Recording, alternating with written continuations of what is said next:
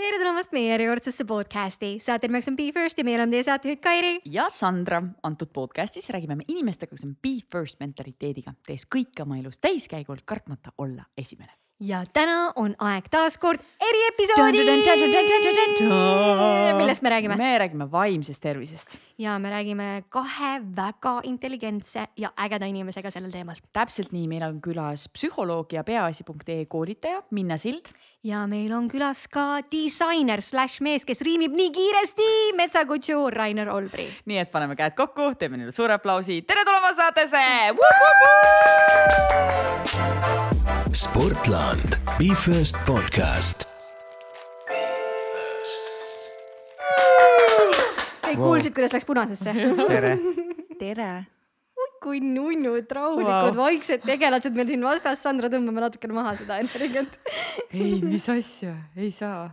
tõmbame nad enda juurde peale või? ja seda võib küll proovida. tere tulemast saatesse. tere, tere. aitäh, et kutsusite. meil on, ma arvan, täna väga põnev teema ees ootamas ma arvan, väga mitmete inimeste jaoks oluline teema ja hästi suur rõõm, et sellest teemast julgetakse rääkida palju kõvema häälega, kui sellest äh, varasemalt on äh, tehtud. me räägime täna päris palju vaimsest tervisest aga enne seda, kui me läheme teema juurde, räägime natuke teist, ma tahaks nagu teiega ka tuttavaks saada. Äh, meie, ma tahtsin hakata kaameras vaatama aga meil ei ole täna video podcast'i, et meie tavalised kuulajad teavad, et me mängime alati ühte väikest mängu, mille nimi on äh, sinu esimesed või esimeste mängu, nii et me esitame küsimuse ja siis teie vastate sobib. Kairi, kas sa tahad alustada? ma võin alustada. see oli päris naljakas, sest tavaliselt räägid sina seda juttu. ja mulle meeldib, kui sa aeg-ajalt üle võtad selle rolli, siis ma saan lihtsalt chill ida. nii, esimene asi, mida koolis vaimse tervise kohta õppisid? mina või? kumb iganes esimesena mikrofonini jõuab. nii, esimene asi, issand jumal, see oli esiteks mingi kakskümmend neli aastat tagasi mm kõige esimene asi, mida ma õppisin ma peaks ütlema, et suht nigelalt oli meil koolis selle asjaga, kõige esimene asi äh,, ilmselt see oli see, et meil on koolipsühholoog olemas see oli selline, aga tema juurde nagu ei tahetud väga minna, seal käisid ainult mingid pätid ja mingid imelikud, kes sunniti sinna nagu jõuga. et, et sellel ajal ikka ei olnud nagu nii, et oh, tahaks, et tal oli mingi pikk järjekord ukse taga ja kõik tahtsid minna ja oma probleeme talle kurta ja, ja, ja nagu, et see kuidagi oli selline asi, millest tavalised jutumärkis normaalsed inimesed nagu hoiavad pigem nagu eemale. aga kas sul temaga ise ei olnud kokkupuudet? ei olnud. kas teil koolis ei õpetatud psühholoogiat, ei olnud sellist õppe mm? -mm, absoluutselt mm. mitte, meil oli kõik, kõik oli kunstiga seotud. ja see ongi juba ka nagu psühholoogia mingis mõttes. väga huvitav. Minna no meil oli psühholoogia aine ja esimene asi, mis ma mäletan, oli sihuke veider äh, kord selles psühholoogiatunnis, kui äh, mul oli keskkoolis oli pinginaabriga sihuke mõnus nagu võistluslikkus, et me olime hästi võrdsed hinnetes ja siis meil kogu aeg käis sihuke mõnus sõbralik nagu võistlus, et äh, kummal paremini läheb. Ja siis me tegime psühholoogias intelligentsustesti ja meil oli siis nüüd, me teadsime, et nüüd tuleb mingi punkti summa, mis siis lõpuks paneb paika, on ju, et kumb siis nagu ikkagi on targem. ja siis me otsustasime, et me ei suuda lihtsalt öelda teineteisele, vaid me mõtlesime, me vahetame need nagu paberilehekesed omavahel ära, et mina kirjutasin oma summa ja tema kirjutas siis oma summa sinna peale, mis me saime testis. ja tema äh, oli läbi unustanud korrutada, seal oli mingi matemaatiline valem, nii et äh, alguses, kui ta selle tulemuse sai, siis ta läks näost valgeks, sest ta sai seal mingi tulemuse, noh, et ta on täitsa allapoole igasugust arvestust, on ju. nii et kõigepealt ta lihtsalt äh, sai šoki, äh, siis me natuke aitasime teda järgi, et ta pidi seal läbi korrutama ja siis lõpuks tuli välja, et meil oli üks punkt vahet, nii et äh, tema oli siis üks punkt targem kui mina, nii et siis see oli paika pandud ja kuigi noh, nüüd olles psühholoogiat õppinud, teades, et tegelikult ega muidugi nii lihtsalt need asjad ei käi ja kindlasti on oluline siis tõlgendada neid tulemusi. mis klassist sulle hakati õpetama psühholoogiat, mäletad sa? ma arvan, keskkoolis, kümnendas äkki jah lihtsalt huvi pärast, kui te praegu mõtlete, kas seda peaks õpetama põhikoolis natuke varem? no minu arvamus muidugi on, et peaks äh, lasteaias hakkama ikkagi õpetama ja noh, iseenesest mitte nagu võib-olla psühholoogia või noh, et mis see siis lõpuks on, et ikkagi sellist inimeseks olemist ja kogu sellist vaimse, vaimse tervise olemust, et see on meil kõigil olemas ja seda võiks ju maast madalast juba äh, õpetada ja teadvustada, nii nagu füüsilise tervise puhul on ju, meil on ka liikumisõpetus lasteaias juba mm. -hmm ja ma olen nõus, mida varem, seda parem. ja ma olen kuulnud nagu nii põnevaid mänge, kuidas tehakse see hästi mänguliseks lastele, kuidas seletataksegi, et äh, see vihatunne on mingi karu, kes tuleb, on ju, ja siis sa lihtsalt saad temaga sõbraks ja hästi nagu lõbusalt, et tahaks isegi selles tunnis istuda ja kuulata mis see multikas on, kus on need erinevad tujud, kes elavad inimese pea sees? Inside Out. Inside Out, täpselt, see on üks, see on üks, see on üks kõige ägedamaid multikaid peale. Kokot, peale Kokot ja peale Frozenit, mida ma pidan väga palju vaatama viimasel ajal. aga Inside Out tõesti, see oli, sa vaatasid ise ja mõtlesid, et aa, jaa, see viha tõesti toimib niimoodi. ja see viha ja see kurbus ja nad niimoodi saavad omavahel läbi mm.. väga soovitan kõigil vaadata. Absoluutselt ja meie isegi koolitustel vahepeal kasutame neid klippe, et see on nii hea film ja see ongi ju psühholoogidega koostöös tehtud, nii et kes pole näinud, soovitan, mina ise olen viis korda näinud Rainer mitu korda sa Frozenit oled näinud? vaatame, kumb võidab praegu. äh, ma arvan, et mingi, mis, millisest osast me räägime okei, nüüd läheme liiga sügavale. okei, ma juba saan aru, et liiga palju. Lähme järgmise küsimuse juurde. esimene kord, kui mäletad, et nutsid kurbusest. Mul on nagu meeles üks kord küll, ma ei tea, kui vana ma siis olin, aga ma olin üsna värskelt äh, õppinud sõitma kaherattalise jalgrattaga. ja siis äh, ma kukkusin. ja äh, ma ei nutnud nagu valust, vaid ma nutsin, nutsin kurbusest, sest mul tuli hammas välja ja siis ma nutsin, et issand, ma ei taha endale kuldset hammast nagu vanaisal see, selline kord on meeles. aga mõtle, kui badass räppar sa oleksid olnud. nelja-aastaselt kuldhammas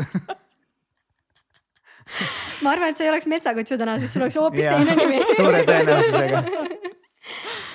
okei ähm, no ma arvan, ma muidugi ei mäleta ju seda, et me ju tegelikult äh, nutame ju sellest hetkest peale, kui me sünnime, on ju, ja sellepärast mulle just meeldivad äh, beebid äh,. Et äh, täna just ka käisin ühe sõbranna beebit vaatamas ja see, kuidas ta nagu lihtsalt nutabki, sest et tal, ta tunnebki ennast nagu tolles hetkes kuidagi, me ei tea, mis tal on, on ju. aga see ausus on kuidagi nii lahe, nii et kindlasti ma ei mäleta seda. Aga ma mäletan ka rattasõiduga seoses lihtsalt äh, Rainer tuletas mulle meelde, et äh, mina arvasin, et ma ei õpi kunagi sõitma. Ja siis ma läksin õue. Äh, ema saatis mind õue, et mine sõida. Ja siis ma olin hoovis ja siis ma heitsin porilompi ja võtsin ratta endale peale, et ma ootasin, et ema köögiaknast vaataks, et ma olen kukkunud, ma ei saa püsti, ma olen lootusetu. Ja mäletan, ma nutsin ka seal porilombis siis sellepärast, aga ema ei vaadanud või vähemalt võib-olla vaatas, aga ignoreeris, sai aru, mis toimub mängis su üle. mängis kaasa ja, ja, ja siis lõpuks ma pidin oma nutu näoga sealt porilombist püsti tõusma ja õppima rattaga sõitma. ja täna ma naudin seda täiega, nii et aitäh, ema. kuidas te muidu suhtute üldiselt nutmisesse, kas see on niisugune asi, mida me peaks inimestena regulaarselt tegema, on see mingi või ei ole üldse vajalik asi? minu jaoks on see väga oluline osa päevast sama, sama, feel you, feel you. et äh, tõsiselt ma, ma ei tea, kas, kas see isolatsioonis elamine on mind muutnud nagu veel, veel hullemaks, aga ma praegu nagu ikka väga tihedalt nutan, et äh, olenemata, mis sealt telekast tuleb, kas see on osoon või see on äh, Titanic või midagi kolmandat, et äh, ikka. Vaata Frozenit, see töötab ka. ja, ja ma sellest olen veel ringiga mööda käinud, sest mul on see Frozen põhimõtteliselt nagu laste, perekonna laste näol nagu olemas äh, oma siukses interpretatsioonis aga ei jah, ma nutan päris tihedalt ja, ja see on äh, väga oluline osa minu elust. oota, aga, aga ma, ma, ma korra tahaks teada, et aga miks, mis on need põhjused, mis ajab nutma? sa ütlesid küll film Titanic la-la. ma ei tea, ma nagu kuidagi võtan neid asju nii suurelt või kuidagi, et äh, miks inimkond selline on ja miks tekivad kohe siuksed nagu ma ei tea, viimane suurem liter oli see Seaspiriti dokumentaal Netflixis, et äh, täiesti lihtsalt tahaks nagu kõik asjad nagu maha panna ja ma noh, lihtsalt, et ma ei saa nagu aru, et, et, et me kõik oleme samasugused, aga nagu, et miks mingid inimesed teevad selliseid asju ja siis kuidagi sa tunned seda jõuetust ja seda, et sa ei saa nagu et ühesõnaga, et ma ei tea, endale see, vist see nagu see suuruse probleem nagu, et, et ma olen nii pisike kõige selle juures ja ma ei saa nagu midagi parata sellesse. kas ma võin natuke teha su enesetunnet paremaks? nii see tegelikult see Seaspiracy on faktuaalselt ebakorrektne dok, et lihtsalt, et siis sa tead, et kui sa seda võib-olla uuesti vaatad või natuke guugelda selle kohta, et tegelikult seal on väga palju valeinfot, nii et. see on kõigi Netflixi dokumentaalide puhul ju, aga see ei devalveeri seda, mille suunas või mis see eesmärk on, mis nagu inimestele kinnistuks. meelelahutuses sa peadki üle võlli keerama selle jaoks, et inimene nagu võtaks selle omaks ja nagu, et see leviks, onju. Ei, loomulikult kõik- kõik, kõik, kõiki asju peab vaatama selles mõttes loomulikult nagu kriitiliselt ja, ja allikakriitiliselt ja nii edasi ja lihtsalt, et eh, ma arutasin ka sellel teemal väga palju kodus, et me jõudsime nagu selleni, et kui siukseid kaadreid on kuskil võimalik filmida, siis seal peab mingi asi olema nagu, et jah, et see narratiiv võib olla ükskõik kui cool'iks ehitatud, siis tegelikult mingisugused asjad seal on ja, ja need tegid kurvaks ühesõnaga. tõsi. ma siis ütlen ka midagi nutmise kohta, et äh, minu jaoks on umbes sama küsimus, et äh, kas peaks naerma, et kuidagi see on hästi inimlik ja hästi loomulik ja ja siis ma tahtsin äh, Rainerile just öelda enda lemmikut sellist võib-olla viisi, kuidas reageerida, kui inimene nutab, on öelda, et Rainer, sa meeldid mulle ikka ka siis, kui sa oled kurb. no väga hea. et sa ei pea olema rõõmus ja sa ei pea äh, mitte nutma selleks, et mulle meeldida või et minul oleks parem, et tegelikult nutmine käib, käib inimeseks olemise juurde ja äh, pisarates on ju stressihormoone, ehk siis see on füsioloogiliselt meile vajalik, et pisarad tuleksid välja. me saame nii-öelda kergendust, stressi leevendust, nii et see on täiesti vabalt, miks mitte ja kui on stressirohkem aeg, siis kasvõi iga päev. huvitav, kust tuli see noh, sellise nutmise demoniseerimine, et kust see alguse sai? et no selgelt see on ju nõrkuse märk ja nõrkust ei salli ju mitte keegi. karjas no no no. aga, aga see ei ole nõrkuse märk ju, kui ma nutan näiteks õnnest või et kui on mingi ilus äh, film, siis no ikkagi sa ei ole nagu, sa ei oma kontrolli, sa oled nagu nii-öelda nagu alasti mingis, mingis mõttes ja et see ei ole nagu ikkagi aktsepteeritud äh, selline. Ma räägin muidugi enda, ma ei yeah. räägi nagu äh, nagu ma mingisugusest. arvan, et see on suhteliselt üldine, et me kõik aga et, tunnetame et seda põhimõtteliselt jah, et ma arvan, et see on sellest nagu kuidagi alguse saanud, ma ei tea, võib-olla sa tead paremini. mm,. Ma ei tea, see on alguse saanud, selles mõttes ma arvan alguse? ma ei, ma seda ajalugu ei tea, aga ma arvan, see tekitab ebamugavust teistes, sest meil on ikkagi mugavam olla, kui inimesed meie kõrval on kuidagi etteennustatavad, nad võib-olla tunnevad ennast hästi. et kui keegi nutab, siis eks natuke see puudutab ju meis ka seda meie osa, mis võib-olla on kurb või mis peab sellega toime tulema, et see tekitab nagu ebamugavust, sellepärast me ju olemegi harjunud ütlema, et cheer up noh, ära nuta, kõik saab korda, aga selle asemel tegelikult võikski öelda, et sa meeldid mulle ikka, kui sa oled kurb. Või nuta, kõik saab korda. see on mu uus lemmiklause, see meeldib mulle ikka, isegi kui sa oled kurb. ja ma arvan, et see ebamugavus tuleb sellest, et seda ei esine väga tihti, näiteks noh, et, et kui inimene naerab, siis, siis sa ei tunne ebamugavust, aga kui inimene nutab, sa tunneb, et ma arvan, et see tuleb siis nagu sellest, et naermist on nagu rohkem ja nutmist on vähem ja siis sellepärast see on nagu tekitab siukse imeliku võnke sinna mm. -hmm. ja tegelikult äh, inimesed on ju head, nad tegelikult tahavad ju aidata. raske on ju vaadata, kui keegi on kurb, on ju, sa tahakski aidata, et tal oleks parem, et ta tunneks ennast mõnusamalt ja siis sa ütledki, et noh, mida sa oskad öelda, cheer up, ära muretse nii palju selle pärast, aga tegelikult see ei aita, on ju. et aitabki see, kui sa lihtsalt oled selle inimese kõrval ja aktsepteerid teda minu nagu ta lemmik on. nendest on ikka võta ennast kokku. kusjuures mulle tundub, et palun praegusel pane see ajal, järgmisesse looks, no võta ennast kokku. järg, praegusel ajal on äh, nutmine just nagu tugevuse märk, sest et kui seda peetakse nõrkuseks ja sa lihtsalt nagu näitad selle välja, et äh, ma nutan ja ma ei ole nõrk, vaid et see teeb mind tugevamaks, siis see on nagu superpower. nagu veits nagu jah, see on võib-olla mingis segmendis jällegi, et ma arvan et, et kaheksakümmend protsenti inimkonnast ikkagi ei võta seda nii. jep. aga kuskilt peab pihta hakkama, keegi peab seda kõik normaliseerima. lähme kõik Iseendast, nutame avalikult. aga mina võtan praegu meie järgmise küsimuse. esimene asi, mida lockdownis enda kohta avastasid? mina alustan nüüd Ehm, ma arvan, et äh, tegelikult esialgu neid asju, mida ma juba teadsin, et äh, ma olen tegelikult suhteliselt hea kohaneja, et äh, minu jaoks sel- sellised uued olukorrad on tegelikult põnevad, esialgu oli isegi nagu huvitav, et mis saama hakkab aga mingil hetkel äh, ma kindlasti avastasin, et, et ma olen täiesti äh, üle stimuleerinud ennast igasuguste meelelahutuste, kohtumiste ähm, ja sellist olemise aega oli enne mu elus väga vähe, et ma avastasin tegelikult, et mul on vaja sellist tühjust ja lihtsalt nagu äh, rahulikku olemist, et äh, tegelikult see mõjus väga hästi. aga Rainer, Ähm, esi-, see küsimus oli formuleeritud esimene asi, mis ma õppisin mm. Mhm. -hmm. ma esimest asja küll ei tea niimoodi, ma, ma tean, mis on kõige olulisem asi, mis ma õppisin ja see oli nagu see, et ähm, ma olen seda nagu nii, nii palju igal pool muidugi nüüd tagunud sedasama asja, sest ma olen aasta otsa sama asja rääkinud, aga et lihtsalt ma ei teadnud tõesti, et ma olen nii jõhker äh, rutiini inimene nagu. et äh, kui mul ei ole segajaid ja ma saan olla nagu kakskümmend neli seitse kontrollida oma aega sajaprotsendiliselt. Ma olen võimeline nagu mida iganes tegema lihtsalt, et äh, räägib, noh, alustades sellest, et ma suutsin selle jooksmise nii hästi enda jaoks ette võtta, aga nüüd ma olen nagu viimase kahe kuu saavutus on, et ma pole nagu suhkrut söönud ja kui inimesed mind teavad, siis ma olen nagu suhkru, ma ei tea, arvamusliider ja, ja influencer olnud terve oma elu ja ma olen nagu niimoodi oma elu tänu sellele nagu paika saanud, et äh, mul on iga päev kella kümnest lähen voodisse ja pooleteistkümnest magan, hommikul ärkan ilma kellata kell kuus üles ja nõks homme hoopis sinna jooksma kohe. et kuidagi kõik päev on nii nagu paigas, et ma poleks elu sees osanud isegi visualiseerida, et ma olen võimeline sihukest asja tegema. ja see kõik on äh, puhtalt sellega seotud, asjad on nii rutiinsed ja et ma ise kontrollin täielikult oma päevakava nagu. eks siis sa jätkaks hea meelega lockdown'is ma suure tõenäosusega jätkangi, sest lihtsalt sõpru pole alles jäänud aga kuidas te jõudsite selle taipamiseni? või et mis, kas olid, olid mingi kindlad sammud, mida te tegite selleks, et, et aru saada? et see on teie mm. tugevus või et, et või, või tähendab, mitte see teie tugevus, aga see on see hea asi, mis sellest tuli?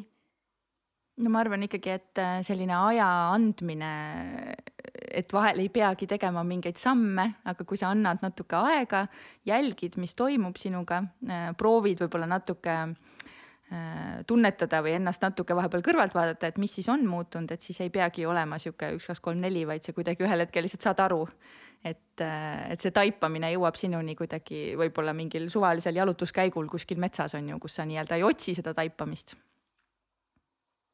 mina lihtsalt tunnen, et mu, mu elu on täiesti muutunud nagu ja siis ma hakkasin nagu otsima põhjuseid, et kust see järsku tuli nagu või, või mis, mis seda nagu põhjustas.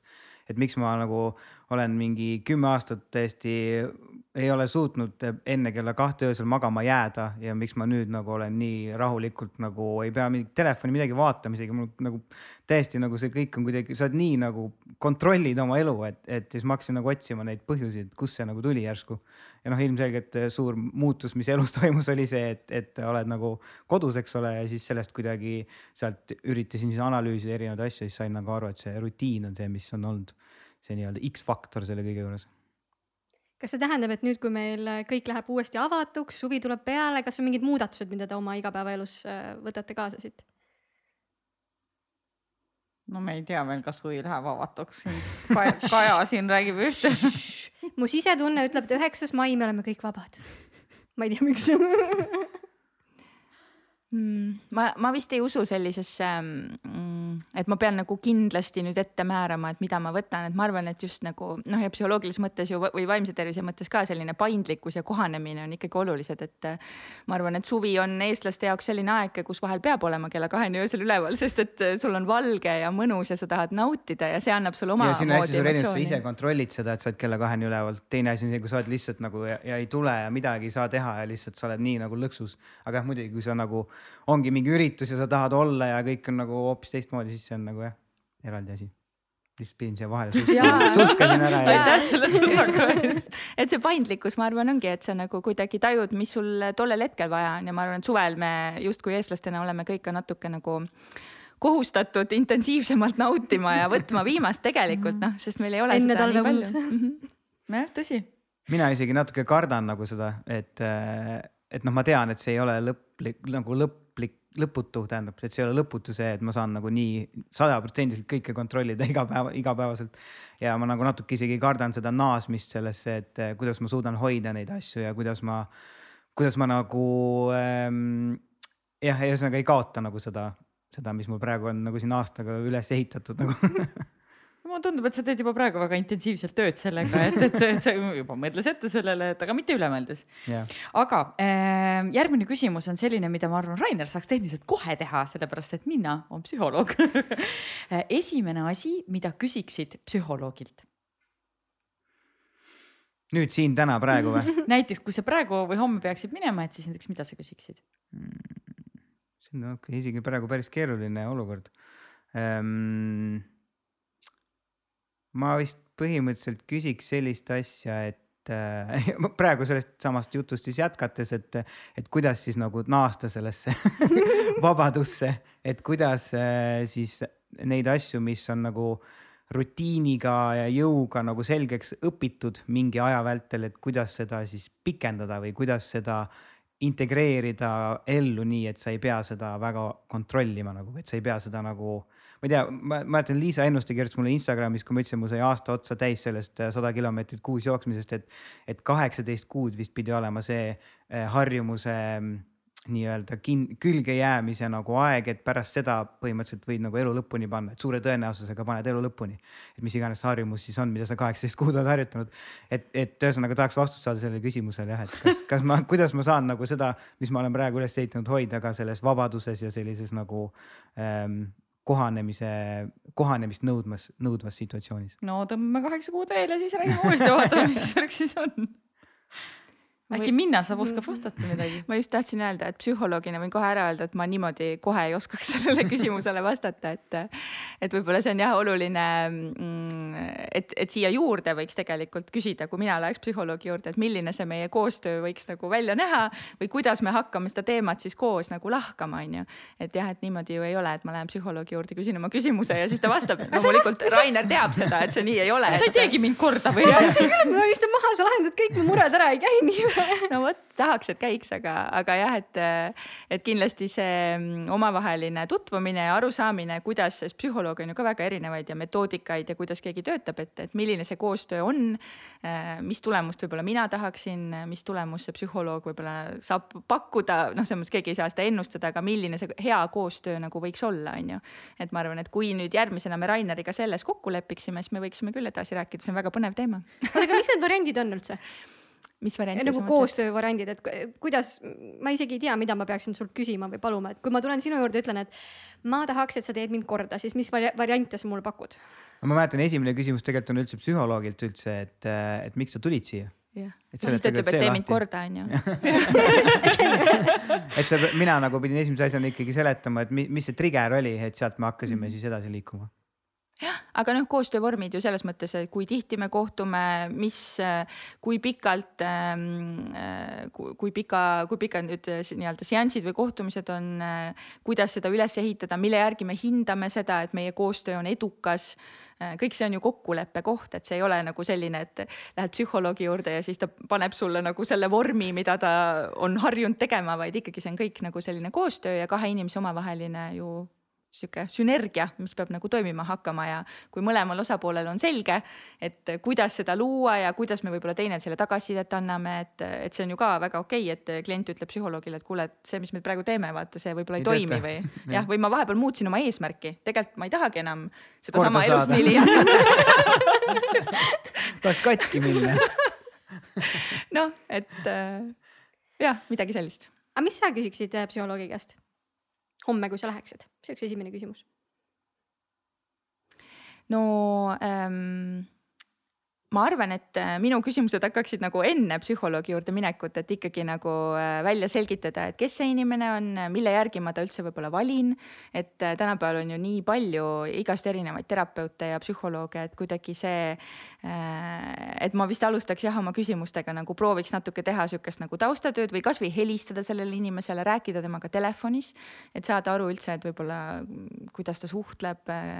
et tegelikult selline psühholoogi valik on ju ka hästi oluline ja tihtipeale võibki see juhtuda, et äh, ma lähen ja mul ei klapi selle inimesega, et aga see võib, võib-olla mul järgmisega klapib, on ju, või ülejärgmisega. et see, see on natuke nagu juuksuri või massööri valimine ka, et iga inimesega ei see kõlab nagu privileegi-, priviligeeritud ajal psühholoogile lähenemine, sest mina siin lockdown'i ajal kirjutasin kolmele psühholoogile, kõik on umbes. keegi ei saa kliente juurde võtta. Nagu see, et praegu on pigem vist see, et sa võtad selle, keda sa vähegi saad nagu. Jah, noh, paraku on küll nii jah, et praegu nagu see koormus on, on päris suur, aga selles mõttes õnneks ka psühholoogid teevad vaata video teel vastuvõtte ja selles mõttes, et muidugi praegusel hetkel on tõesti see, et vahel on lihtsalt vaja minna sinna, kus sa, kus saab, on ju aga noh, sellega tuleb ka arvestada, et hoolimata sellest, kui mul ikkagi näiteks selle inimesega kuidagi ei hakka klappima, et siis võib-olla ikkagi proovida leida mingeid muid variante, on ju no sellest me räägime ka pärast pikemalt, et kuidas need õiged psühholoogid endale leida. kas aga... psühholoogid solvuvad ka või üleüldse inimestena või? ei, nagu selles tööolukorras. nagu sa ütled talle, et ma olen. neli korda oled käinud ja nagu, et kuule, meil ei hakka klappima, siis ta on nagu mingi, et ma pean minema psühholoogi juurde ja räägin sellel teemal no ma ei julge muidugi kõigi psühholoogide eest vastata ja psühholoogidel on ju äh, kindlasti samamoodi tunded nagu kõigil teistel ja kindlasti sa hakkad mõtlema, et okei okay,, et mis, Mis siin, mis siin tegin? juhtus, on ju, aga see on tegelikult hästi loomulik ja hästi seda pigem äh, psühholoog ootab, et sa ütled talle, et meil ei klapi. see annab võimaluse ka aru saada, miks ei klapi ja võib-olla saab üldsegi midagi muuta, võib-olla ei peagi, on ju, kohe vahetama. väga hea, meil oleme jõudnud meie esimeste mängu viimase küsimuseni. sina küsid? Ma küsisin just. ei, mina küsisin just. esimene go to mood booster. muusika. mul on nagu, ma olen ikka tähele pannud, et kui ikka päriselt on halb tuju, siis ma pean jooksma ja ma jooksen tuju heaks ja nagu see, see, see kõlab jälle nagu mingi naljakas asi, ühesõnaga päris, mul oli esmaspäeval just, ma olin hommikul nagu täiesti niimoodi, et äh, ma vist ei viitsi selle jooksmisega nagu tegeleda nagu, et äh, tahaks lihtsalt nagu mingi olla ja nagu kõik ära unustada. Ja siis ma läksin jooksma ja ma mõtlesin, et üldse ei viitsi joosta ja kas ma üldse peaksin tegelikult jooksma nagu kõik need siuksed nagu mingid põhiküsimused ja siis mingi kakskümmend viis minutit nagu selles jooksus ja siis ma sain nagu aru, et mine pekki, jumala hea nagu tunnen juba, kuidas kõik hakkab muutuma, maailm läheb valla, mul on kõik, kõik on võimalik nagu ja siis panin kümme kilomeetrit, nii et oli ja pandud noh.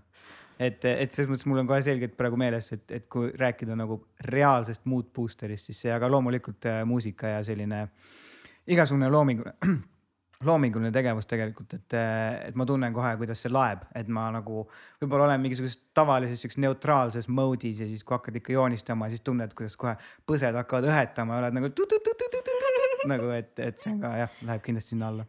mis on kõige pikem mood booster jooks distantsilt olnud, mis on teil olnud? ma ei ole niimoodi nagu mõelnud, et milline jooks nüüd mu täpselt mu mood'i boost'is ja mitu kilti nüüd täpselt selleks vaja läks. aga ei nagu, aga ei noh, kui nii võtta, siis põhimõtteliselt kõik jooksud on mood booster'id ja siis mu kõige pikem jooks on vist mingi kakskümmend kuus kilomeetrit äkki või midagi sellist wow. järjest. oota, millal see maraton siis ära tuleb nüüd? ei, ei teagi, sinna on võib-olla natuke aega, ootame, kuni siin inimesed nagu siis kui, noh, siis kui maratonid toimuvad, ei mingid maratonid ikka toimuvad ju. no, ei no individuaalselt ikka toimuvad erinevad võistlused, et sa lähed lihtsalt starti ja, ja, ja, paned oma aja ja mm. -hmm. aga ei, ma pigem ikkagi hoian ka selle poolmaratoni juures praegu selle asja. hmm,. väga huvitav. Nii, me oleme saanud esimeste mänguga ühele poole, mis tähendab, et me sukeldume nüüd äh, süvitsi vaimse tervise teema juurde. Mm -hmm. kas sa tulistad? ja ähm, mis on äh, need kolm asja, mida inimesed võiksid ja peaksid teadma vaimse tervise kohta üldiselt? minna, me vaatame sulle otsa. see on üsna lahtine küsimus, aga me võime lihtsalt kuskilt pihta see hakata. on eesmärgipäraselt lahtine küsimus. mm. -hmm ma hakkan kuskilt pihta ja siis äh, vaatame, kus me jõuame. esimene asi, mis minul äh, pähe tuli, oli see, et, et vaimne tervis on hästi selline äh, muutlik, jah, et see on täiesti loomulik ja inimeseks olemise juurde käib see, et esiteks meil kõigil on vaimne tervis, kes me oleme inimesed. ja see, seda, see mõjutabki seda, kuidas me siis mõtleme, tunneme, oleme. ja samal ajal, et see on väga loomulik, et see võib kõikuda niimoodi, et ühel päeval me tunneme ennast kehvemini, siis paremini, vahel mõni kõikumine kestab kauem, võib-olla nädala. sõltuvalt siis ka elu sellistest sündmustest, et mida me kogeme ja, ja tegelikult äh, vaimse tervise mõttes võib-olla sellistes äärmustes olek ähm, ei olegi ka nagu väga hea, et me võime kogeda väga palju tugevaid äh, selliseid meeldivaid tundeid, aga ega me ei jaksa ka seda väga palju teha, on ju. võime ka kogeda selliseid ebameeldivamaid, raskemaid tundeid, aga võib-olla siin see Raineri äh, rutiin on nagu hea, et, et vaimne tervis, tegelikult see tasakaal ka nõuab natuke sellist ähm, noh, sellist nagu keskmist olekut jah, et sa nagu lepid ka sellega, et elus on nagu kõike, et on seda väga mõnusat, on seda keskmist, mida tegelikult on ju enamuses ja siis on nagu ka võib-olla neid languse hetki et, et jah, et võib-olla eh, siit veel edasi arendada, et siis vahel inimesed ka küsivad, et kuidas nagu vältida selliseid vaimse tervise muresid või probleeme või languseid. et tegelikult eh, mulle tundub, et ega seda väga ei saagi teha, et pigem nagu on see, et, et kuidas me siis toime tuleme nendega, on ju, et see käib ka nagu asja juurde, et ei peaks nii-öelda nagu kramplikult hoiduma sellest, et, et mul võib vahepeal olla kehvem, see on okei okay., et lihtsalt tuleb, peab olema see tugisüsteem enda sees ja ümber, et mis siis aitab mm -hmm. toime tulla ähm,. nüüd läkski mõte juba kaotsi jäin kuulama. ei, ühesõnaga, et minu jaoks võib-olla sihuke top üks asi, mida inimesed võiks teada vaimse tervise kohta, on see, et et seda on võimalik nagu liigutada või noh, et seda on võimalik äh, kontrollida. et, et kui mingisugune, mingisugune võrrand võrdub äh, sellise vastusega, mis sulle ei sobi, siis sa saad äh, muuta nagu neid komponente ja uue vastuse nagu välja arvutada et, et minu jaoks see on võib-olla sihuke viimase mingisuguse paari aasta nagu heureka avastamise asi nagu, et ma nagu kuidagi ma ei tea, kas ma polnud võib-olla nagu mõelnud selle peale või polnud nagu piisavalt endaga seda kõike peegeldanud. aga jah, et, et see tõesti on äh, nii-öelda sinu kätes, mulle, mulle nagu siiamaani on kogu aeg tundunud, et see vaimne tervis on mingi, mingisugune nagu asi, mida sa ise nagu ei saa eriti kaasa rääkida, et kas sa oled nagu, ma ei tea, oledki pigem kurvameelne inimene, oled pigem rõõmus inimene, oled äh, väga ülev inimene, oled tagasihoidlik inimene, et tegelikult neid asju nagu noh, loomulikult mingisugune põhi on all nagu, aga aga mulle nagu tundub, et kõiki neid asju tegelikult on võimalik äh, kontrollida. ja, ja siis ähm, ja sellega seoses mul tuli kohe meelde üks äh, intervjuu ma ei mäleta, kas see oli, see oli ühe räppariga, siis ähm, tähendab, see oli sihuke saateformaat oli, et räppar kõneles mingisuguse üli zen tüübiga ja siis küsis talt igast küsimusi, siis see zen tüüp nagu vastas talle nagu vastuseid. ja see tüüp küsis nagu, et väga relate itaval teemal, et et mis ma teen nagu, kui ma nagu tunnen, et teine tüüp on nagu täiega parem minust vaata ja nagu mingi teeb mingi loo, mis nagu täiega kill ib minu loo ära vaata. Ja siis see tüüp, nagu see zen tüüp ütles nagu ühe lausega vastu, inglise keeles kõlas muidugi paremini, aga põhimõtteliselt, et, et miks sa lased talt röövida enda nagu selle rahu, mis sinus tegelikult on nagu, et miks sa lased tal teha seda. ja siis kuidagi see nagu mingi trigerdas minus nagu selle, et tegelikult see on nagu minu enda, täielikult minu enda kontrollida kas ma jään selle kõige juures rahulikuks või ma nagu lasen selle nagu üle võtta ja siis ei, ei, ei saa ise nagu midagi kaasa rääkida. et ühesõnaga minu jaoks on see top üks asi vaimse tervise juures, et sa saad ise nagu liigutada neid asju. on sul mingi näide näiteks tuua, mida sa ise oled teinud, et mis võib-olla paar aastat tagasi oleks tundunud noh, noh come on ei, ma ei suuda sellist asja küll teha mm. -hmm. ja nüüd saad aru, et uh, lifesaver no neid on ikka mitu, aga mm, võib-olla esimene sihuke, mis pähe tuleb, on see, et ähm, näiteks kui on mingisugune situatsioon, mis tekitab äh, ebamugava tunde äh,, toon täiesti suvalise näite. Keegi, kellest sa lugu pead, läheb sinust mööda ja ei ütle sulle tere. lihtsalt jalutab mööda tuima näoga. nii, ja sinu esimene reaktsioon on noh, mis asja noh, nagu, nagu miks ta must nagu nii halvasti nüüd arvab, onju nii, nüüd see on see olukord, kus või see situatsioon, kus sa pead nagu selle ära tundma, et nii, sina ise kontrollid seda, kuidas sa sellesse suhtud.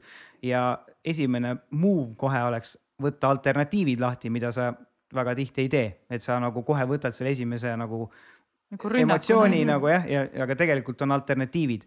Äh, ta kõndis sinust mööda, sest ta ei näinud sind. väga loogiline alternatiiv, mille peale sa isegi ei jõua mõelda ta kõndis sinust mööda, sest ta arvas, et sina oled nii kõva vend, et mis ta sind ikka teretab nagu noh, ühesõnaga, siin on nagu erinevaid variante nii palju ja kui sa nagu saad sellest hetkest nagu kinni ja sa mõtled nende asjade peale, siis sa kohe tõmbad endal selle negatiivse nagu äh, emotsiooni nagu maha või selle reaktsiooni. Et see on võib-olla sihuke üks tool, mida ma väga tihti üritan kasutada, loomulikult alati ei tule meelde ja ikka nagu emotsioon, laine käib üle ja me kõik oleme inimesed, aga põhimõtteliselt sihuke võib-olla üks äh, tööriist, mida ma üritan nagu siis hoida endaga igapäevaselt. see on väga-väga hea mõte et mitte kohe reageerida ja, ja vaid. no seda võib nagu a la sotsiaalmeedias, et aga miks ta mu pilti ei like inud. no nii, mis mu pildil viga oli? alternatiivid, ta pole seda pilti näinudki väga tõenäoline alternatiiv väga, väga, väga suure tõenäosusega. see on väga, väga tervislik, mis sa räägid just selles mõttes, et eh, meil on ju päeva jooksul sadu mõtteid, on ju, ja siis vahel tasub mõelda, et kui palju neist nagu tõele vastab et kui palju ma võin nagu tõesti mõelda, et see mõte on tõsi. et tegelikult me ikkagi väga palju arvame, eeldame, pakume variante, et siis nagu olla sellest teadlik on tegelikult ülihea pinge langetaja, on ju, mhm. et saabki aru nagu, et ah oh,, issand, aga see ei pruugi üldse tõele vastata, mida ma praegu mõtlen, on ju. just kas on äh, midagi veel, mida me kõik äh, võiksime vaimse tervise kohta teada? käisime kaks tükki siin üle mm. -hmm. Minul tuli veel sihuke mõte, et, ähm, et tegelikult sinu jagamisest inspireerituna, et tegelikult sellega tegelemine on üldjuhul ähm, mitte alati, vahel on ka ju selles mõttes suuremaid raskusi ja perioode, kus on vaja rohkem abi.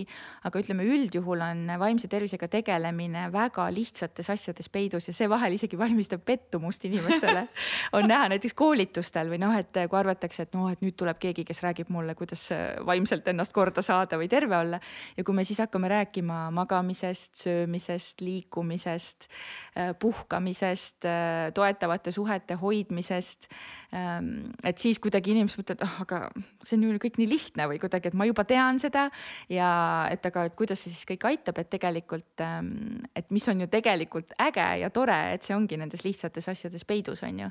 et, et, et ei pea selleks ehm, alati minema kuskile süvateraapiatesse lõpuni kõik läbi kaevama, vaid just selline igapäevased rutiinid ja praktikad on need, mis tegelikult aitavad seda baasi hoida kõige tugevamini käime äkki korra läbi need äh, nii-öelda tervisevitamiinid, mis on need alustalad, et sul üldse oleks vaimne tervis korras mm. -hmm. et sa mainisid neid korraga, noh, ütleme, et kui sa ütled uni, siis mis, mis, mis, mis selle une juures nüüd, kui pikalt ma magama pean või, või mis need nüansid on, mida ma peaksin arvestama mm? -hmm. noh, siin muidugi tuleb arvestada, et meil on individuaalsed erinevused, on ju, et selline enesesõbralikkus kindlasti, et, et võib-olla kui me räägime, et, et kaheksa tundi und on standard, aga me võtame, ma ei tea, vanemaealised inimesed või väikeste lastega või et, et noh, et siis on selge, et alati see ei ole võib-olla nii lihtsasti loodav. aga üldiselt jah, et oma unerežiimi eest niimoodi hoolitseda, et äh, rutiin on une äh, puhul hästi oluline, see, et ma äh, lähen magama enam-vähem samal ajal, ärkan samal ajal, et see juba aitab tegelikult äh, kehal nii-öelda ette valmistada õigel kellaajal selleks, et magama minna, on ju. et ütleme jah, et selline äh, kaheksa tundi, see jällegi on sihuke klišee, aga tegelikult see peab paika, on ju, et, et võiks, võiks välja puhata ja, ja noh, see on pikk teema, ma arvan, me ei hakka seda siin on ju väga põhjalikult avama, et kogu selline, et tegelikult ka une osas saab ise väga palju ära teha, et siin jällegi võib-olla siis võin öelda, et peaasja, peaasi.ee lehel leiab, on ju päris palju selliseid nippe ja soovitusi sellel teemal et üks on uni, siis on liikumine, millest ka Rainer juba rääkis.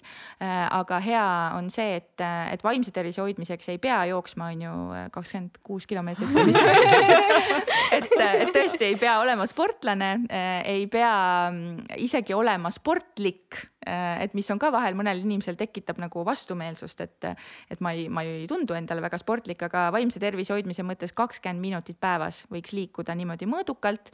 et äh, natuke ajab higistama, natuke hingeldama ja värskes õhus soovitavalt ka, et, äh, et see oleks selline miinimum ja sealt rohkem on juba boonus, on ju. et tegelikult mõelda, et kakskümmend minutit päevas üldjuhul me, me võiksime kõik leida ja vahel see on võib-olla juba see, et ma kõnnin kuskile poodi või, või tagasi, on ju.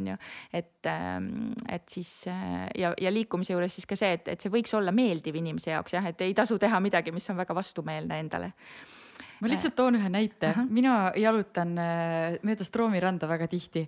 Ja ma ei mäleta, kas see oli kolm, kaks või kolm päeva tagasi, ma olin sõbrannaga kõndisin ja siis järsku tulevad meie tagant tulevad kaks vanadaami, kes ütlevad möödume ja siis nad läksid, käed käisid niimoodi, need suured puhvaikad olid seljas, aga nad läksid siukse sammuga läksid edasi. Ja sa arvad, seda oli nii äge vaadata, möödume ja siis nad panid lihtsalt meist mööda. Nii äge. ja minu arust see on üks, tegelikult üks probleem, mis on veits nagu tekkinud, et eh, kuna kõik ühiskond propageerib sellist sporti ja sportlikkust ja sellist nagu äh, noh, sellist ühesõnaga professionaalsel tasemel eh, nagu liikumist, siis kuidagi need inimesed, kes nagu üldse ei liigu, on hakanud nagu minu arust nagu kartma seda, sest see on nii igalt poolt nagu, et sa pead olema äh, retuusides ja pead olema nagu jooksutossudes ja kõik, kõik see värk, et eh, minu arust see on nagu ülioluline nagu selle liikumise juures rõhutada, et see liikumine on nagu jalutamine värskes õhus nagu ja, ja kui sa seda rutiinselt teed, siis äh, su keha mingist hetkest hakkab sellest sõltuma ja nagu sa äh, sul ei tule isegi pähe, et see on vastumeelne või, või kuidagi, et aga lihtsalt tuleb minust nendest erinevatest nagu kühmudest üle ronida mm. -hmm. et esiteks see sihuke nagu see, et see ei ole spordi tegemine, sa pead lihtsalt liikuma ja teiseks see, et sa saaksid selle nagu rutiiniks teha ja nii edasi, et ühesõnaga minu arust see on hästi oluline selle juures, et sa ei pea nagu olema sportlane ja, ja sul ei pea olema eesmärk sügisel kuhugi maratonile minna mm. -hmm. jällegi vaatame lapsi et lapsed naudivad ju liikumist ja neil on jumala suva, noh, kas neil on sporditossud või retuusid või, või kas keegi kutsub seda sportimiseks või mitte, et nad lihtsalt eh, tahavad liikuda. ja samamoodi läheb ju, loeb see, kui sa, ma ei tea, lõunasöögi kõrvale pliidi ääres paned oma lemmikmussi ja tantsid natukene, on ju. et, et see peaasi tegelikult, et sa saad sellest sellist mõnusat eh, tunnet ja loomulikult vahel, nagu sa enne vaata alguses ütlesid ka, et vahel vahetult enne liikumist tundub, et ah, ma ei taha või ma ei jaksa või et praegu pole see, aga siis vahel nagu tasub uskuda, et ma ikkagi tean, mul on see kogemus olemas, et pärast mul hakkab parem, on ju, et vahel tuleb ka ennast natuke veenda selles. et, et jah, aga siis veel vitamiinidest, et siis toitumine ka üks teema, millel ju tegelikult olete juba podcast'i teinud ja seda avanud siin aga võib-olla lühidalt öeldes, et vaimset tervist toetab ka selline toitumine, et toit võiks olla siis kahte kahest aspektist lähtuvalt võiks toitu vaadata, et üks on see, et ta on kütus, ta annab meie kehale energiat, jaksu, et toime tulla nii füüsiliste kui vaimsete teemade, väljakutsetega. ja teisest küljest võiks toit olla ikkagi nauding, et mitte nagu liiga palju ka endale keelata seda, mis mulle meeldib, mida ma tahan, et, et kuidagi vaadatagi, et need mõlemad tasakaalustatud aspektid oleksid siis olemas ja veel siis vaimse tervise vitamiinid, kaks tükki, on toetavad suhted, et me oleme sotsiaalsed olevused, meil on vaja seda, et oleks inimesi, kes meid mõistavad, keda meie mõistame, kes ütlevad meile, et sa meeldid mulle ikka ka siis, kui sa oled kurb. et, et see lihtsalt käib sinna juurde. mitte ikka, vaid sa meeldid mulle. jah, just ikka, noh, aga jah, jah, jah, just sa meeldid mulle. Ehm, ja äh, et neid toetavaid suhteid, jah, neid ei pea ju palju olema, eh, selles mõttes ei pea olema super suur tutvusringkond, et piisab sellest, kui mul on mõned inimesed, kellega ma tunnen ennast eh, hästi ja vabalt ja, ja kellele ma saan ka jagada oma raskuseid.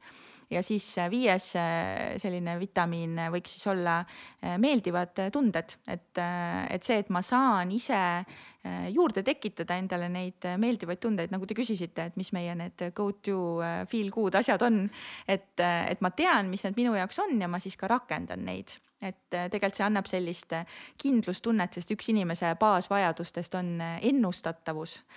Mis annab nagu sellise ka psühholoogilise nagu vastupidavuse raskustega toime tulla ja vahel eriti võib-olla praeguses maailmas, kus päris palju on en-, seda ennustatavust on nagu vähenenud, et siis tegelikult see, et ma tean, et ükskõik mis, aga kui ma kuulan näiteks seda lugu või kui ma liigutan oma puusi või räägin selle sõbraga või et, et see on see, mis, mis mul tegelikult nagu hea tunde tekitab või et ma panen oma jooksutossud jalga ja lähen õue, et need ennustatavad asjad, mis meeldivaid tundeid äh, pakuvad, võiksidki olla siuksed äh, lihtsad. mis siis, kui nad on enesehävituslikud?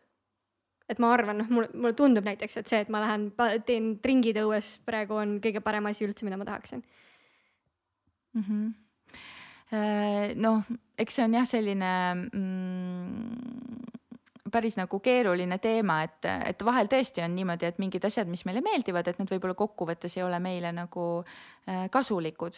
aga et, et siin oleks jah, nagu võib-olla oluline ka vaadata, et, et, et mida, et kas nad ikkagi päris lõpuni pakuvad mulle seda head tunnet, on ju. et, et loomulikult jällegi see on nagu tasakaalu koht, et, et me ei ütle ju, et ma ei tea, alkoholi ei, ei tohiks kindlasti tarbida. aga kui mul pärast seda on ikkagi nagu halb olla tegelikult, et siis võib-olla see on nagu väike märguanne, et, et äkki midagi on nagu paigast ära või, või kui, kui ma arvan, et keegi näiteks on mul väga hea sõber, aga tema pärast temaga rääkimist ma millegipärast pärast tunnen ennast nagu kogu aeg kuidagi kehvemini, et siis on ju tegelikult selline märguanne, et võib-olla peaks korra vaatama, et mis seal siis äh, on et.... minu arust peakski nagu seda siis kuidagi enda jaoks analüüsima, et mis see on, mis see, mis see hea asi selle tegevuse juures on.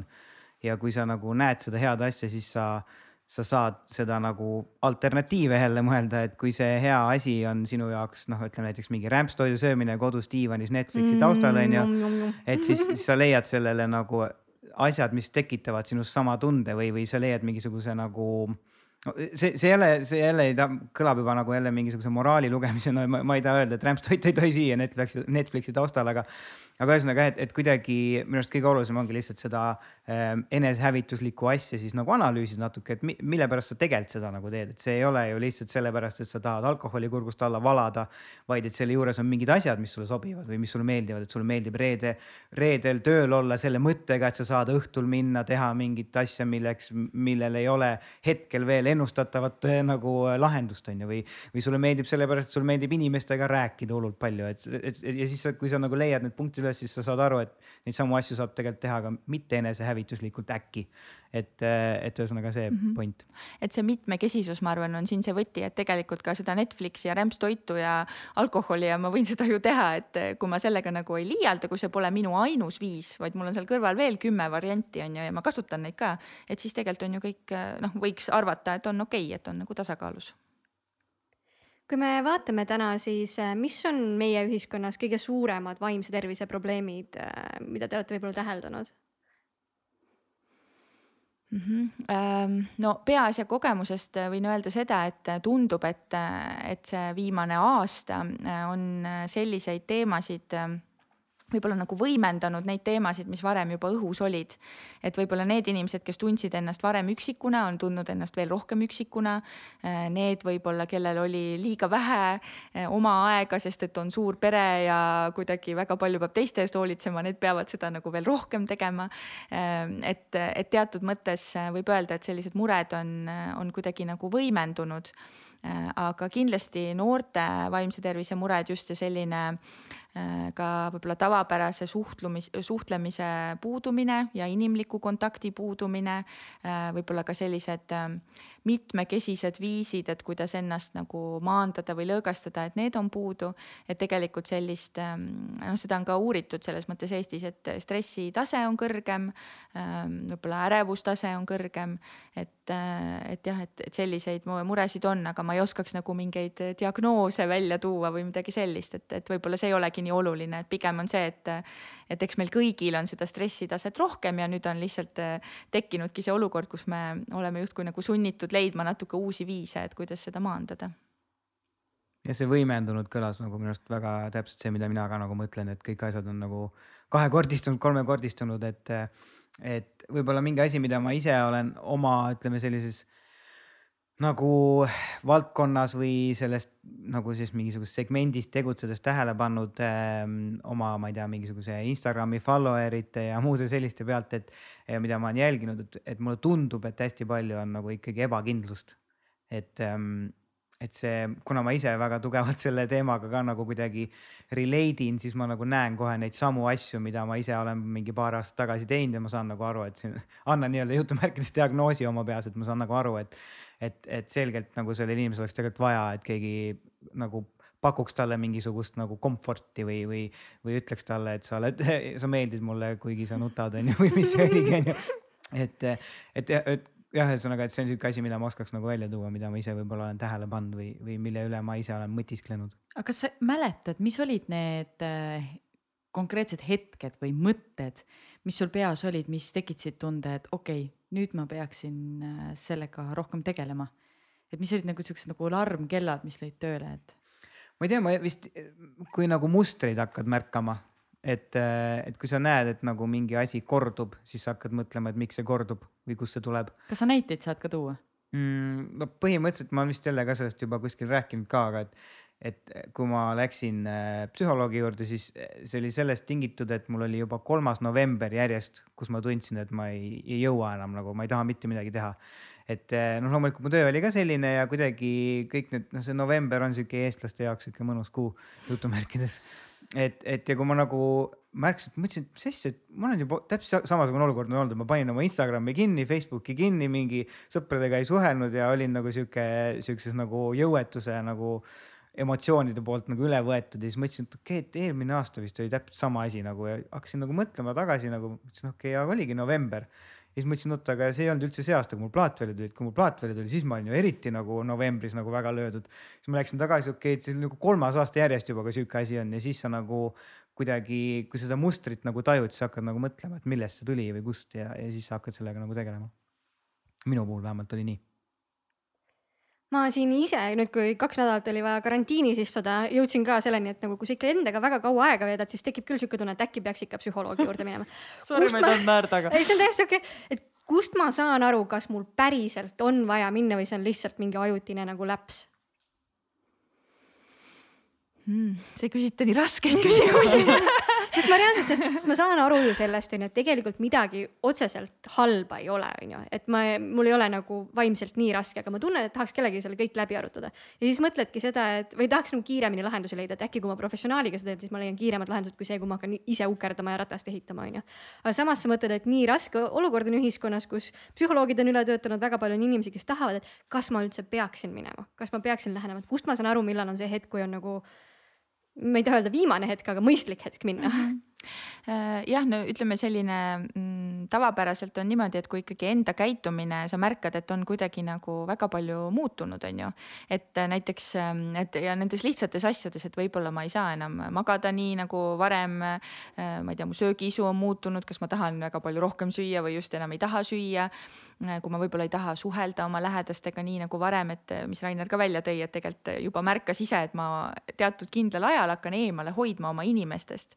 et see ju ka on nagu kuidagi selline äh, väga tugev vihje selle kohta, et midagi minu sees juhtub järsku, et ma tunnen, et ma ei saa enam kuidagi oma lähedastega nagu suhelda või ma ei taha.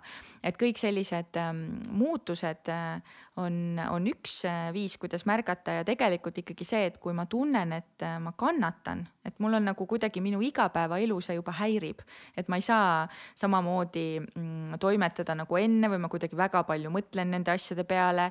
võib-olla ma enam ei saa teha mingeid asju, mida ma enne tegin, sest ma tunnen ennast nii ebamugavalt, et siis tegelikult need ongi need hetked, et, ähm, et, et siis nagu märgata seda. Ja siis äh, noh, seesama, mis sa välja tõid, muidugi see on nagu nii ilus, see näitab kohe, et sa oled nagu väga empaatiline ja hea inimene, et sa mõtled, et aga kuskil on inimesed, kelle, kellel on palju hullem, et kas mina nüüd peaksin minema, on ju.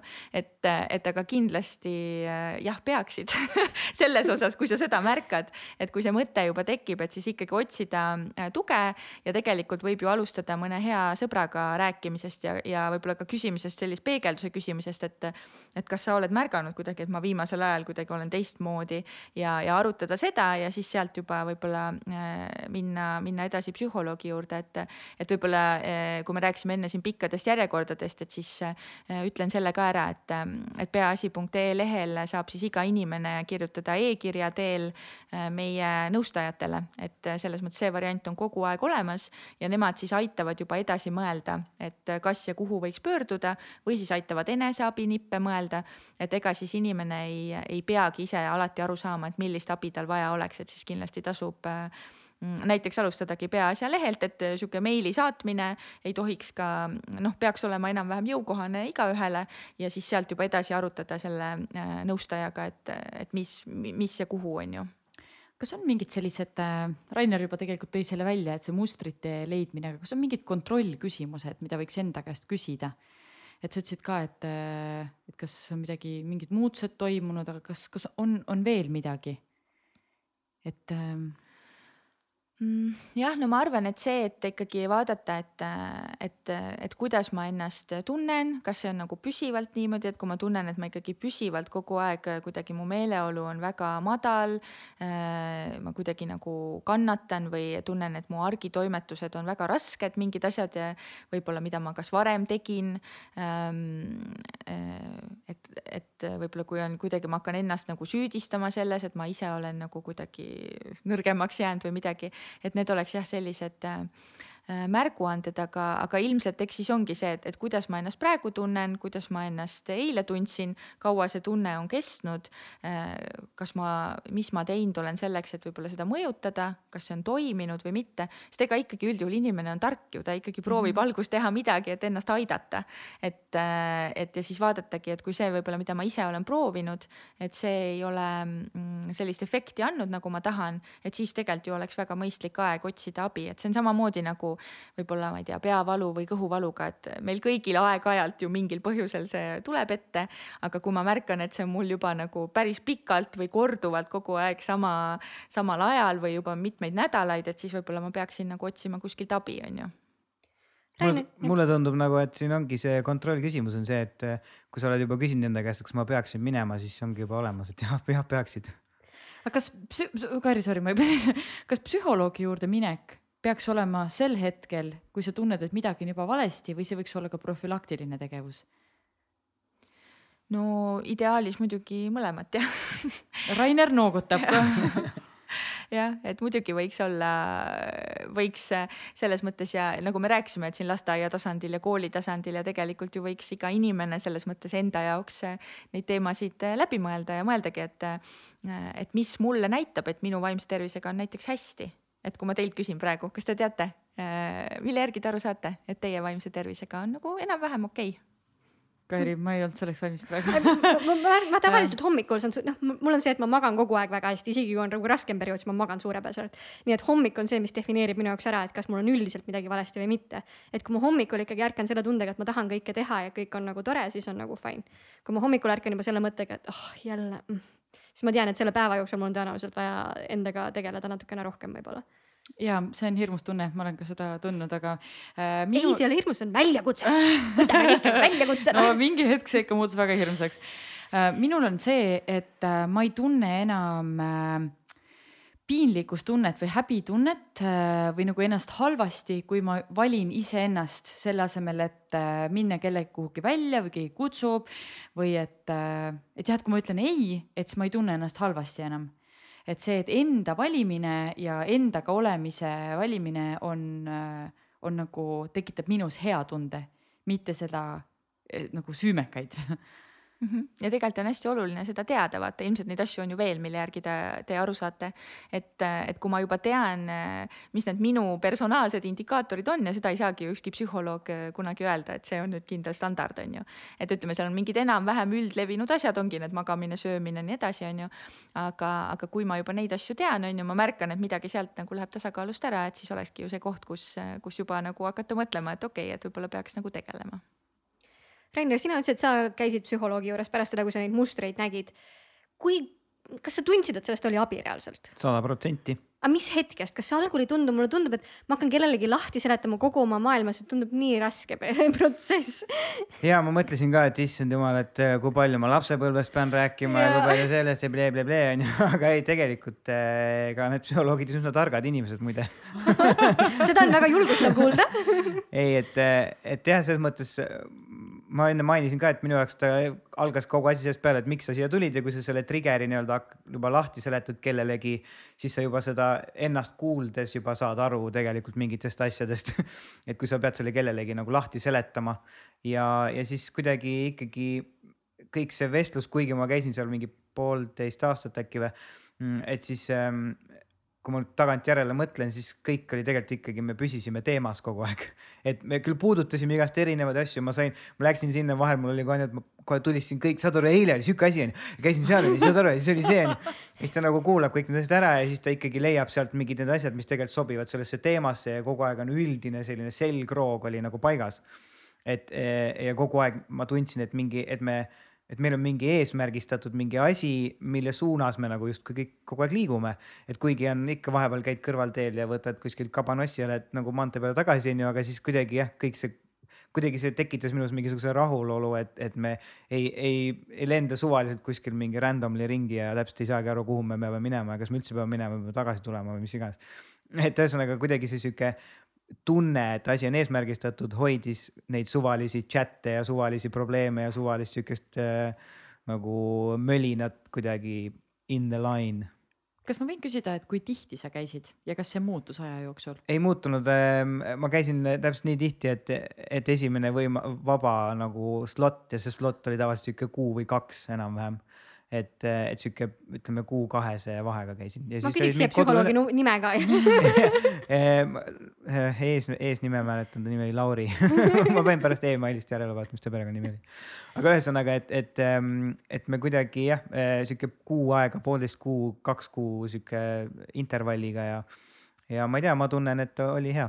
kui tihti tegelikult peaks käima, kas seal on mingisugune valem või ongi nii, kuidas tunned? No eks see tavaliselt sõltub äh, üsna palju praktilistest asjadest, et esiteks seesama, et millal see slot on, kindlasti ka sellest, et äh, kui inimene näiteks peab maksma selle eest, et kui tihti see talle võimalik on. et kindlasti ju ka äh, psühholoogid äh, vahel ütlevad, et tahaks ju kedagi nagu tihedamini kutsuda, tahaks iga nädal, et loomulikult see töö, selline koostöö ja areng võiks olla nagu intensiivsem, aga teatud mõttes see praktiline elu paneb nagu need piirid paika. aga ma arvan, see on hästi individuaalne, et, et siin ei ole mingit niisugust valemit, et sõltub, mis on see mure, mis on need võimalused ja sealt ju vaadatakse edasi, et jällegi see ongi nagu selline ikkagi rätseplahendused, et siin ei saa nagu niisugust äh, standardit äh, öelda. kuidas selle maksmisega on, ma pean selle ära Jaa. küsima, et mis osa on nagu tasuta ja mis osa on tasuline?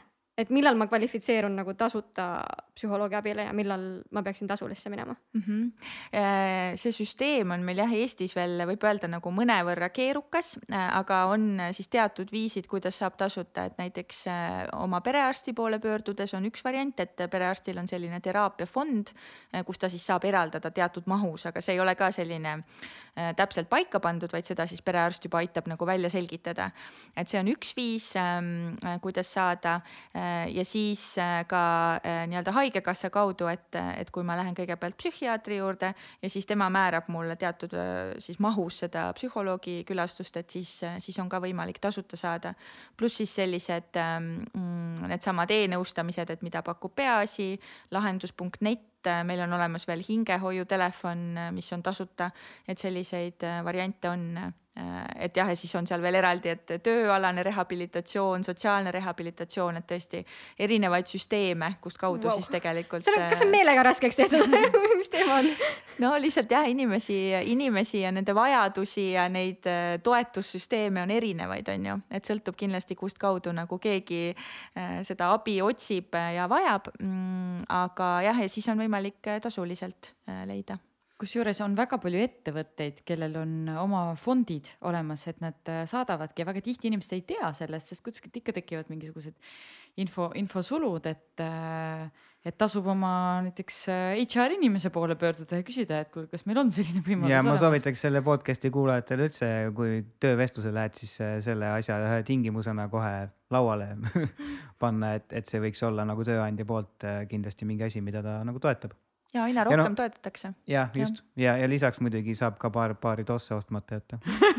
täpselt nii täpselt nii. ja koolipsühholoogid muidugi ka oluline just äh, noorte seisukohast, et kellest me siin alustasime, et, et on ka hästi oluline, oluline ressurss ja, ja noh, muidugi praegusel ajal on tehtud ka äh, väga äh, toredaid selliseid võimalusi, et, et minu enda äh, kursusekaaslased Tartu Ülikooli psühholoogia magistriõppest äh, tegid äh, siis Covid osakonna töötajatele sellise tasuta psühholoogilise nõustamise, et, et hästi kuidagi sellisel kriisi ajal on äh, tore näha ka, kuidas inimesed koonduvad ja tahavad pakkuda neid ressursse ja variante, on ju nii, ma sain nüüd aru, et ma pean minema tasuliselt psühholoogi juurde. minu esimene loogika oli see, et ma kirjutasin Sandrale, Sandra soovitab psühholoogi, siis paarile sõbrannale veel, kes ma tean, soovitab psühholoogi, aga kuidas see päriselt peaks käima?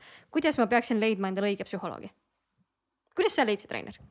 täpselt nii leidsingi, et mu töökaaslane. mulle sa küll ei kirjutanud töökaaslane, töökaaslane käis ja, ja siis kuidagi juhuslikult äh, köögis äh, lõunapausi ajal kuidagi rääkisime neid jutte ja siis äh, kuidagi jõudsime nii, et tä- tähendab, tema rääkis, et ah, et ma käin ja jumala lahe on ja siis ma nagu hiljem salaja kirjutasin talle väikse emaili, et kuule, nime ei viitsi mulle anda.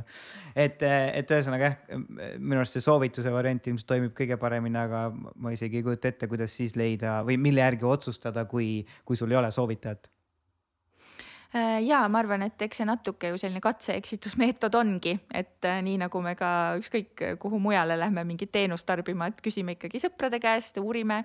Ja see on juba hästi suur samm ju, kui me saame rääkida oma sõpradega, et kuule, et ja, ja vahel on see, et me võib-olla ei teagi, et keegi on käinud. Ja kui me küsime, siis see uks on ju avaneb mm, -hmm. et aa, okei okay,, jah, no tegelikult ma olen ka käinud, on ju. Ma olen juba kümme aastat käinud. Et me tihti me ei, ei pruugi rääkida on ju nendest asjadest, et äh, aga, aga jah, et siis ongi variant ähm, noh, võimalusel on ju guugeldada, natuke uurida selle inimese tausta, aga loomulikult, eks see mm, üsna keeruline võib-olla aru saada, et, et mis, mida ta siis õppinud on või, või kas see siis mulle klapib või mitte. et selles mõttes kokkuvõttes ikkagi mm, vaadata, kui ma selle inimesega ühendust võtan, et kui ma näiteks, mul on okei okay talle helistada, et juba tõesti siis telefonivestluse järgi aru saada, et, et kas see kuidagi, kuidas ta mulle vastab, et kas see on mulle nagu kuidagi sümpaatne, kas ta on mu vastu sõbralik, on ju. et, et kõik sellised asjad ka Äh, võiksid nagu aidata, aga, aga jah, et äh, tegelikult tasuta variantidest veel praegu mul tuli meelde Kairi küsimusega, et, äh, et meil on ju peaasjas ka tegelikult ähm, kuueteist kuni kahekümne aastastele, kahekümne kuue aastastele on videonõustamine ja ka kahekümne seitsmendast eluaastast on selline kriisinõustamine praegu, mis on tasuta. et selles mõttes neid, mis on just siis mitte ainult email, emaili teel, vaid videonõustamise teel. kuidas seda saab? Äh, peaasi.ee lehelt ikka mm, -hmm. jah. ja seal on kuskil olemas mingi link, et. jah, et äh, tule, äh, kui sa soovid nõustamist, et siis mm -hmm. sealt, sealt saab registreerida ennast. mul tuli praegu meelde, et mul kirjutatakse kogu aeg neid kirju, et kuule, et mis jooksutossu ma ostma pean. kuule, räägi, mis jooksutossu ma ostma pean et nagu ma teaksin nendest jooksutossudest midagi, et võib-olla siis tasub lihtsalt kõikidele nendele influencer itele, keda te jälgite kogu aeg, küsida nende käest ja kindlasti nendest mõni käib psühholoogi juures ja oskab aidata jaa ja, ja, ja ka silmas pidada seda, et see võib-olla psühholoog, kes Rainerile sobis, ei pruugi mulle tegelikult mm -hmm. sobida. et see on okei okay,, vaata, et, et saadagi aru, et võib-olla, et oh, et, et kuidagi mul temaga nagu ei, ei klappinud. et, et see käib lihtsalt asja juurde. okei okay., nii ütleme nii, et ma kirjutasin Sandrale, et ma tunnen, et mul on vaja psühholoogi juurde minna, onju. ja siis võib-olla kurtsin talle ka seda, ma küll ei kurtnud, aga ütleme, et oleks pidanud kurtma, et üldse ei ole aegasid kuidas ma siis lähedasena, kuidas Sandra oleks pidanud käituma? kuidas ma, kuidas ma saan lähedasena abiks olla inimesele, kui, kui ta juba annab selle nagu märguande, et. aga samas ei küsi otseselt abi. aga ei küsi otseselt abi. no Sandra, kuidas käitusid siis? no ma saatsin talle erinevad äh, saatsin ta nimed. pekki kuule, mine pekki. Sul on mingi probleem. või? võta kokku ennast. Lähme õue jooksma, teeme pool maratoni. Ei, aga mul oli nagu esimene. see oleks jumala hea lahendus. Olnud pool maratoni jooksul ma olen ühe korra jooksnud, jõuab kõik asjad läbi mõelda. No,. ei, kaks korda jooksnud, ei kolm korda, ühesõnaga palju juba jooksnud. Nii, aga mida lähedasena tegema peab? Vaatavad me jäime Sandrale otsa vaatama ah,. mina saatsin nimed ja ma tegelikult äh, selgitasin lahti ka, ma saatsin ühe nime, kelle juures ma ise käisin, kes minule ei sobinud. ja siis ma ütlesin ka, et noh, et minule otseselt ei sobinud, aga noh, et, et äh, sa võid proovida ja siis ma küsisin su käest, kas see on sinu jaoks või millegi teise jaoks. ja ma sujuvalt eirasin seda ja võtsin asking, järgmise teema. Asking for a friend, asking for a friend, yes. et tegelikult oli see, et meil oli mingi tööteema lahti ja siis ma sellele unustasin vastata ausõna mm. -hmm. Whatever alternatiivid. aga tegelikult see on jumala hea küsimus, et kas ma oleks pidanud push ima, sest et ma tean, et ta on tugev tüdruk ja ta on täpselt selline, et ta saab tavaliselt nagu kõigi asjadega ise hakkama. saan. aga noh, selles mõttes, et kui nüüd oleks vaja olnud, et siis mm -hmm. ma ise nagu tihtipeale tunnen, et ma ei oska reageerida, ma kardan, et kõik asjad, mis ma ütlen, on valesti öeldud, kui keegi läheneb mulle, et noh, ongi lähedane on siin ära surnud Covidisse, ma ei oska öelda mitte midagi, sest kõik, mis ma ütlen, mulle tundub nii vale mm. -hmm. Äh, ma, ma ikkagi, ma, ma veel ei vasta, aga äh,, aga. oi, jälle pinget üle või? pinget jah, aga mis sa, mis sa oleks tahtnud, et Sandra oleks öelnud või kas sa nagu tahtsid seda vestlust arendada või sa lihtsalt tahtsidki, et ütleks, saadaks sulle meili ja kõik? tegelikult ma tahtsin ainult kontakte, et mm -hmm. muidu ma oleks tõenäoliselt ise öelnud, et kuule, Sandra, mul on nagu halb, et lähme jalutama mm. -hmm. aga noh, kõik sõbrad ei ütle ju seda mm. -hmm. Ja, ei ütle ja, et selles mõttes kindlasti hea on, kui keegi lähedane niimoodi kirjutab, et tal on kas raske või, või ta tahaks kuskilt abi otsida, et siis ikka ikkagi äh, uurida, et, et kas ma saan sulle kuidagi toeks olla või lihtsalt öelda, et kuule, et lähme millalgi jalutama, on ju. et ega siis alati inimene võib-olla ei oskagi täpselt öelda, mis tal mureks on või, või ka vahel on piinlik ju abi otsida, et see on ka äh, üks selline vaimse tervise murede puhul üks kõige mm, keerulisemaid aspekte on see stigma ehk siis selline häbimärgistamine, et mul on tunne, et kui, kui mul on mingi vaimse tervise probleem, et ma olen kuidagi nõrgem, kehvem, väärtusetum, ei saa ise hakkama. Ähm, et tegelikult loomulikult ja see tihtipeale takistab äh, abi otsimist kõige enam. et isegi äh, öeldakse, et äh, üks kuni kolmkümmend aastat on see viivitus, millal abi otsitakse, et mõned wow. inimesed võib-olla ei otsi pool oma elu või terve oma elu, ei jõuagi kunagi abini, sest see häbitunne, et minul on midagi viga, ma olen nõrgem, et meil võib-olla ka kultuuriliselt veel ei ole jõudnud sinna kohta, kus see oleks väga loomulik, et täpselt samamoodi nagu, et mul on, ma ei tea, pikka aega põlv valutanud, ma lähen ortopeedi juurde või, või füsiosse, et samamoodi, et kui mul on ikkagi pikka aega olnud kehv olla või, või selline kriitilisem hetk, et siis ma lähen otsin abi kas psühholoogilt või psühhiaatrilt. et, ähm, et see, kui ähm, me sellise sõpruse, äh, võib-olla tutvu, tutvusringkonna, kogukonna tasandil suudame seda nii-öelda normaliseerida, et see on okei. Okay.. et ja öeldagi, et, et võib-olla kui Kairi siin ütles, et, et vahel nagu tekib tunne, et mida ma võiks öelda, et siin on küll nagu siuksed kuldsed sõnad, mis ma arvan, et võiks võtta selliseks valemiks, on, on see, et et võib-olla ma, ma ei, ma isegi ei tea, mida praegu öelda, aga mul on nii hea meel, et sa mulle rääkisid. ja lihtsalt olla olemas selle inimese jaoks tema kõrval.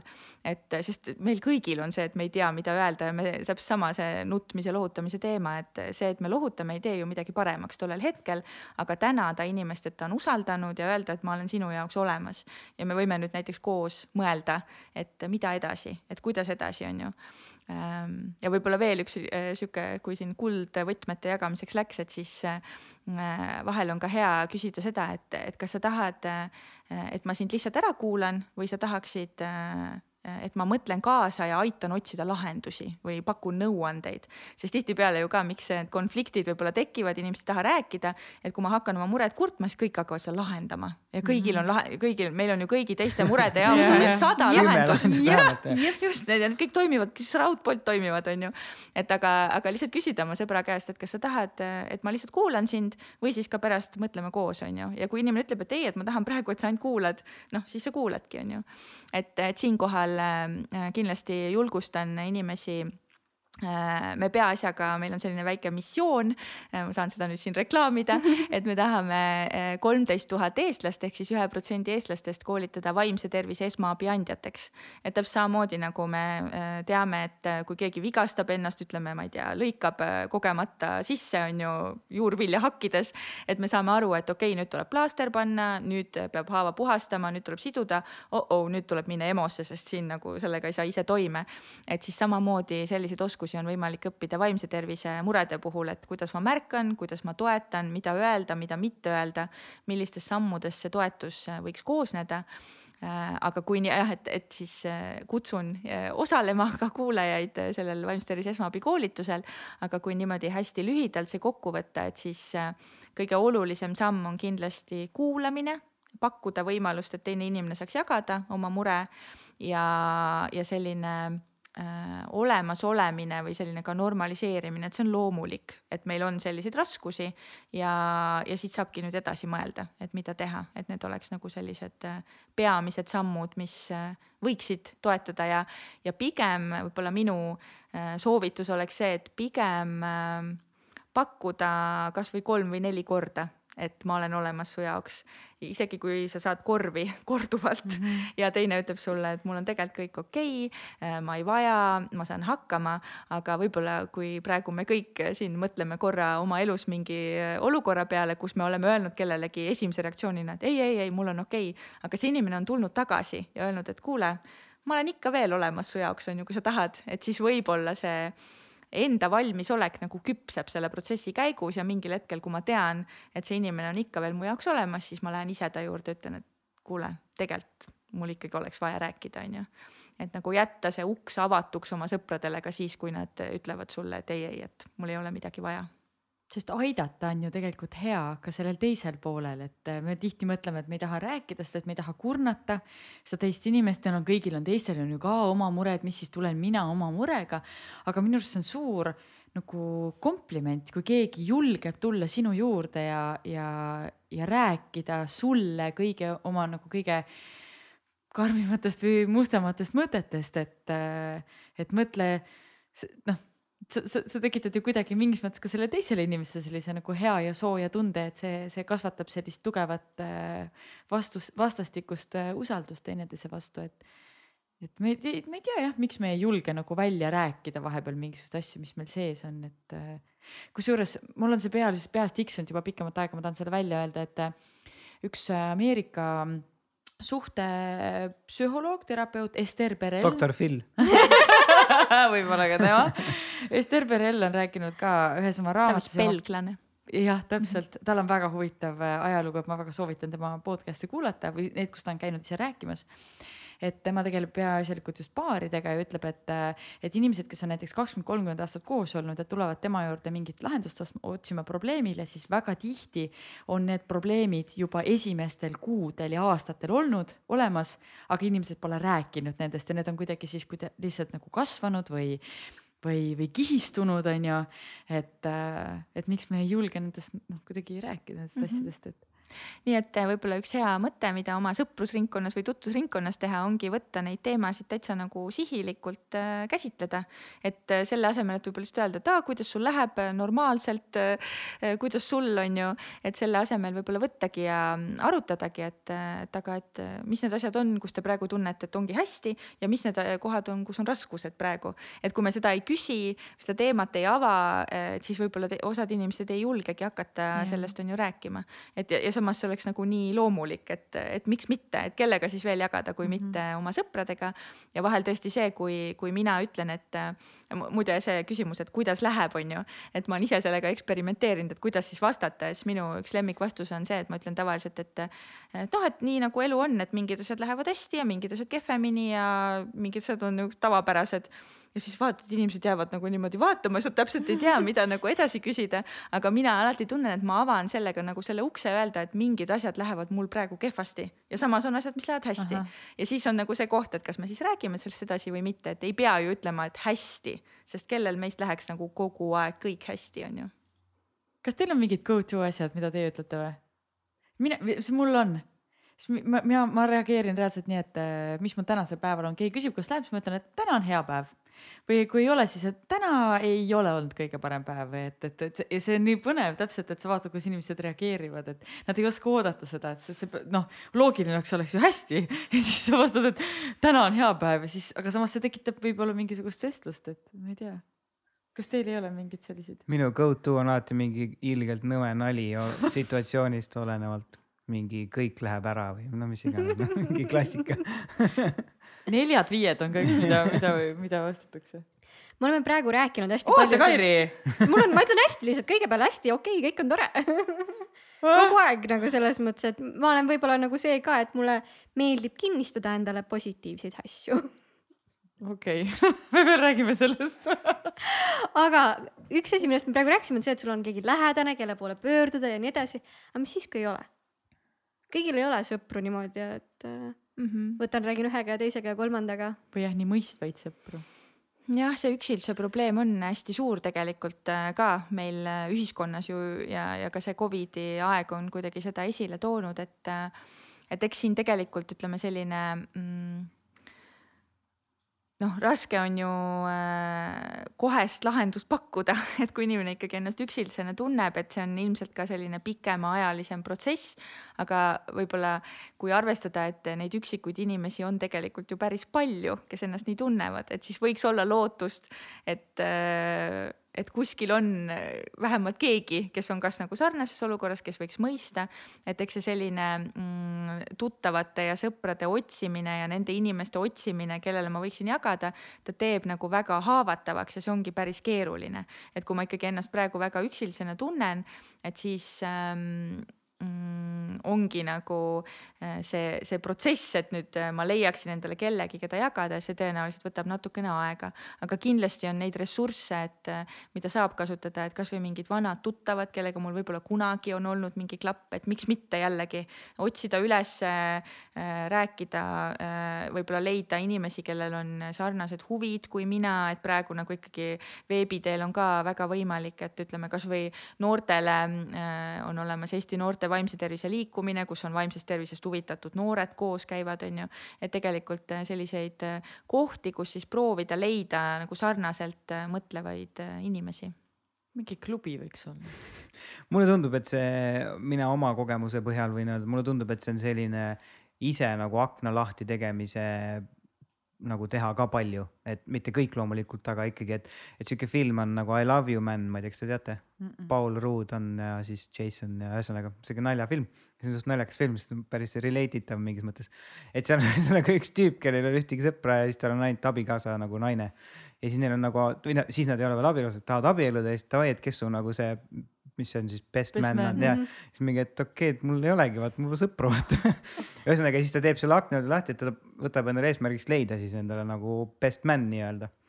ja siis mulle. appi kui äge ja siis ma nagu sealt nagu kuidagi mõtlesin juba edasi, et tegelikult see ongi hästi puhtalt nagu äh, selliste võimaluste võib-olla otsimine ka nagu, et et nagu need igasugused huvidega klappivad inimesed on alati hästi hea nagu meetod, et sa ma ei tea, hakkad tosse koguma ja siis leiad inimesi, kes koguvad ka tosse ja siis räägid nendega juttu ja vahepeal saad kokku, onju.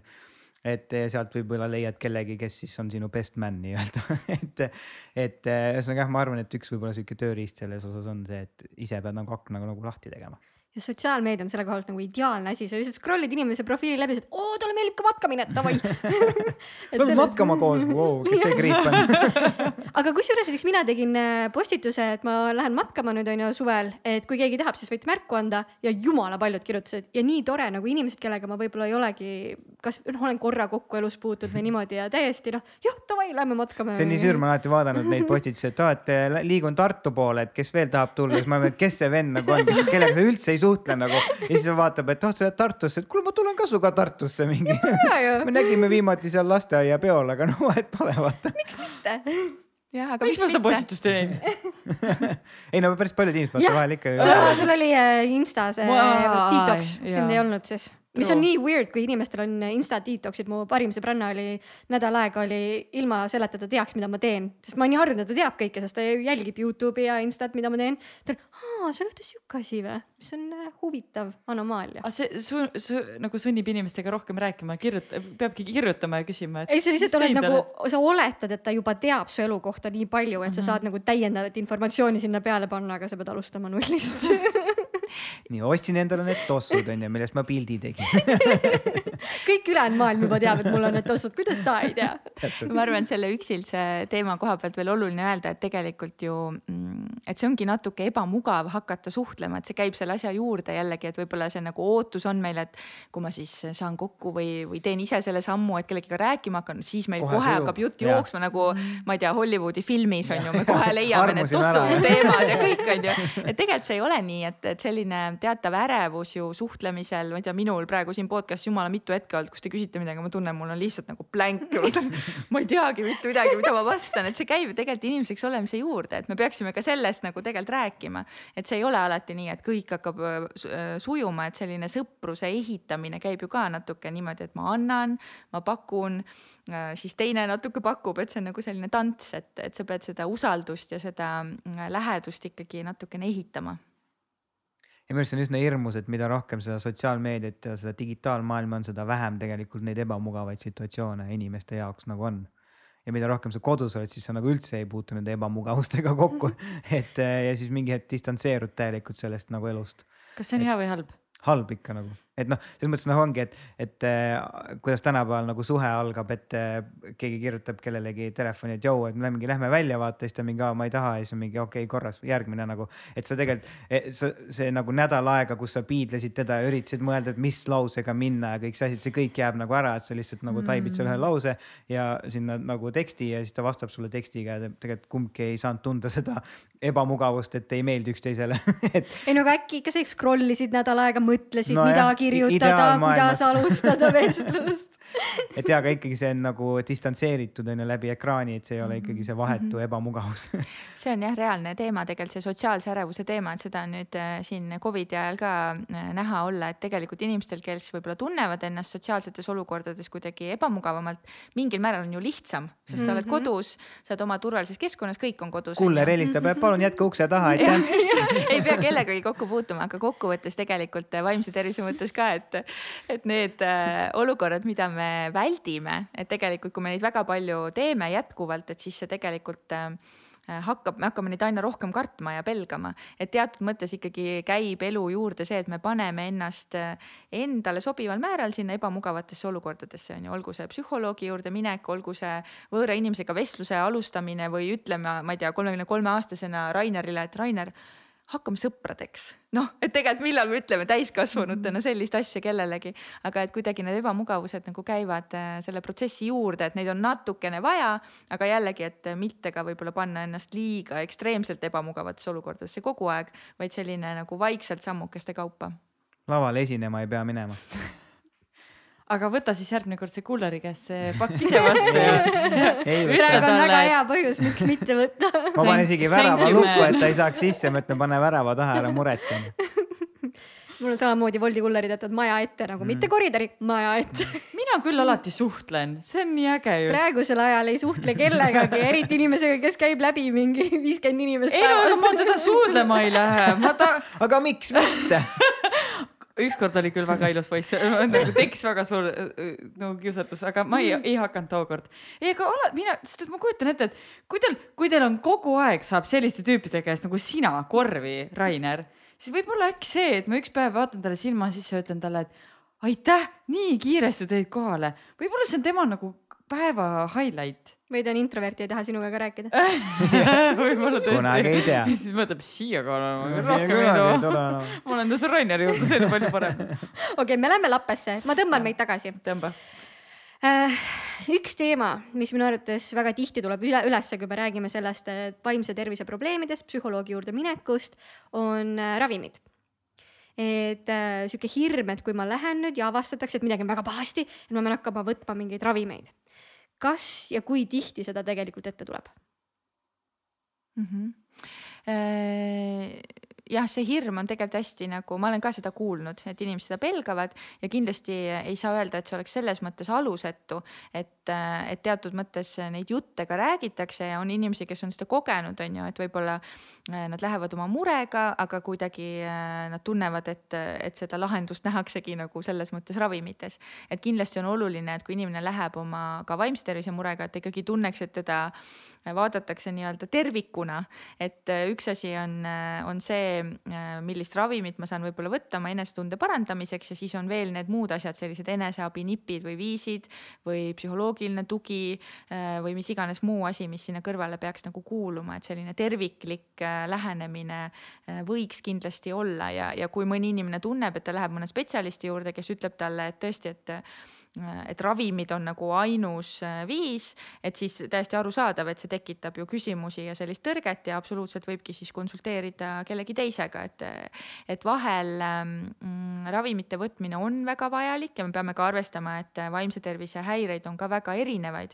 et mõne vaimse tervise häire puhul see võib olla äh, vältimatu, et. nagu äh, näiteks no nagu näiteks, kui me võtame äh, skisofreenia või bipolaarse häire, mis on sellised ikkagi väga tõsised vaimse tervise häired, et siis seal see tõenäosus, et sa pead võtma ravimeid ja sa võib-olla pead võtma neid äh, elu lõpuni, on ikkagi pigem väga suur. et me ei ole leidnud viise, kuidas äh, tegelikult inimesi aidata neil sellist äh, täisväärtuslikku elu elada, ilma et nad võtaksid ravimeid, on ju, aga jällegi seal on ka individuaalsed erinevused, et, et ma kindlasti, äh, ma ei taha teha selliseid liiga suuri üldistusi, aga ütleme, tõenäosus näiteks selliste murede puhul on päris suur. Äh, aga ütleme, et ähm, äh, võib-olla mõne teise vaimse tervise mure puhul võib olla see, et inimene peab võtma võib-olla teatud aja selleks, et mingist raskemast kohast välja tulla.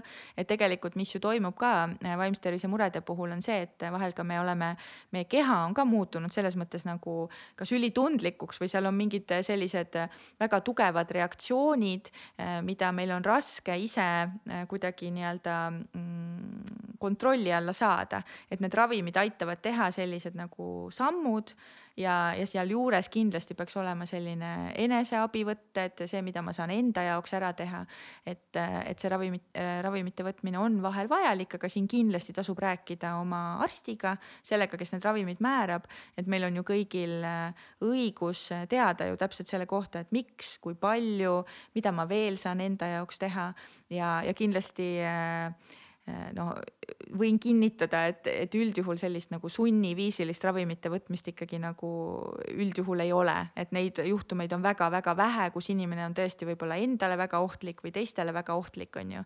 aga, aga sellises äh, tavapäraselt, et lähen psühholoogi juurde, et ta nüüd paneb mulle kohe ravimid peale, et meil ikkagi ravimite võtmine on vabatahtlik, et, et inimene saab seda ise valida.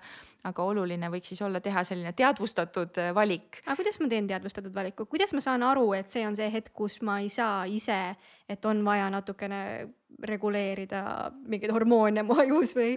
no selleks peakski ikkagi olema keegi spetsialist, kes just äh, sinu äh, kogemusega, sinu äh, äh, selle murega on kursis ja kes aitab seda arutada, et sellepärast on ka oluline spetsialisti juurde minna. et, et tegelikult temaga läbi arutada need plussid ja miinused, rääkida oma hirmudest, mida ma kardan, võib-olla ma kardangi, et ma pean elu lõpuni jääma võtma. võib-olla spetsialist saab kohe selle maha võtta, öeldagi, et kuule, tegelikult praegu ma mõtlen, et võib-olla vaatame kaks kuud on ju, ja siis, äh, ja siis võib-olla rohkem sa ei peagi võtma. et, äh, et just rääkida ja rääkida oma hirmudest hästi julgelt mulle tundub, et praegu on kõige populaarsemad, populaarsemad, kõige levinumad teemad, millest räägitakse just ärevus ja depressioon. kas need on sellised olukorrad, kus pigem peaks ravimitega lahendama, ei pea? Äh, no hästi erinevad on need ärevushäired, et üldse, kui me räägime ärevusest, siis ärevus on ju täiesti normaalne, loomulik tunne, et seda ei peaks üldse kartma, lihtsalt vahel, kuna meil on ka sellised ärevushäired, kus ärevus tõesti hakkab elu segama, et siis äh, sellisel juhul vahel tõesti jah, inimesed võtavad ravimeid. ja depressiooni puhul samamoodi, et see on hästi-hästi individuaalne ja kindlasti just see koostöö selle vaimse tervise spetsialistiga on hästi äh, oluline, et see on selline Äh, sisuline ja et inimene saab ka ise aru, et miks ta neid ravimeid võtab, äh, kuidas see võiks teda mõjutada ja mis ta siis veel saab teha selleks, et et see on täitsa ju tegelikult ka tore, et inimesed mõtlevad selle peale, et ma ei taha ainult sõltuda ravimitest, vaid ma tahan midagi enda jaoks ise ära teha. et minu arust see on nagu väga-väga tervitatav, et seda peakski rohkem olema mulle tundub, et see on natuke, kui kasutada sellist metafoori, et kui sa oled augus ja sa tahad sealt välja saada, siis sul on vaja redelit ja, ja redelil on erinevad pulgad. Ja võib-olla üks pulk on see ravim, võib-olla järgmine pulk on see mingi uni ja siis on mingid muud asjad, aga kui sul jääb väga palju pulki sealt vahepealt vahele või näiteks see ravimipulk näiteks on mingi väga olulise koha peal, siis noh, sa lihtsalt ei saa sellele järgmisele, seda järgmist sammu võtta, et see natuke selline nagu, nagu komplekt, mis sul peab olema, et, et selleks, et et, et sellest august välja saada, muidugi sõltub, kui suur see auk või sügav see auk on ka, et Mm -hmm. Rainer, kuidas sul oli, kas oli mingil hetkel arutelul ka ravimid või tundus täiesti, et oli kõik? ei ole üldse kokku puutunud, et ei oska isegi öelda, kogemusi jagada. mis tähendab siis seda, et sul põhimõtteliselt piisaski lihtsalt sellest, et arutleda, onju aga mis need äh, nii-öelda probleemikohad olid või mm,? no me arutlesime, mul olid kodused ülesanded ka mis on nii äge ja. nagu koolis ühesõnaga, ma ei tea, ma arvan, et see on juhuslik kokkulangevus, aga lihtsalt ühesõnaga, et selle kõige tulemusel lõpuks äh, valmis üks visuaalne kaart mm, -hmm. mida ma kasutan äh, või noh, kuhu ma vahel ikka lähen nagu tagasi mis on mul telefonis olemas. E, ja siis me nagu ehitasimegi põhimõtteliselt seda kaarti. E, iga kord siis natuke jälle täitsime seal mingisuguseid asju.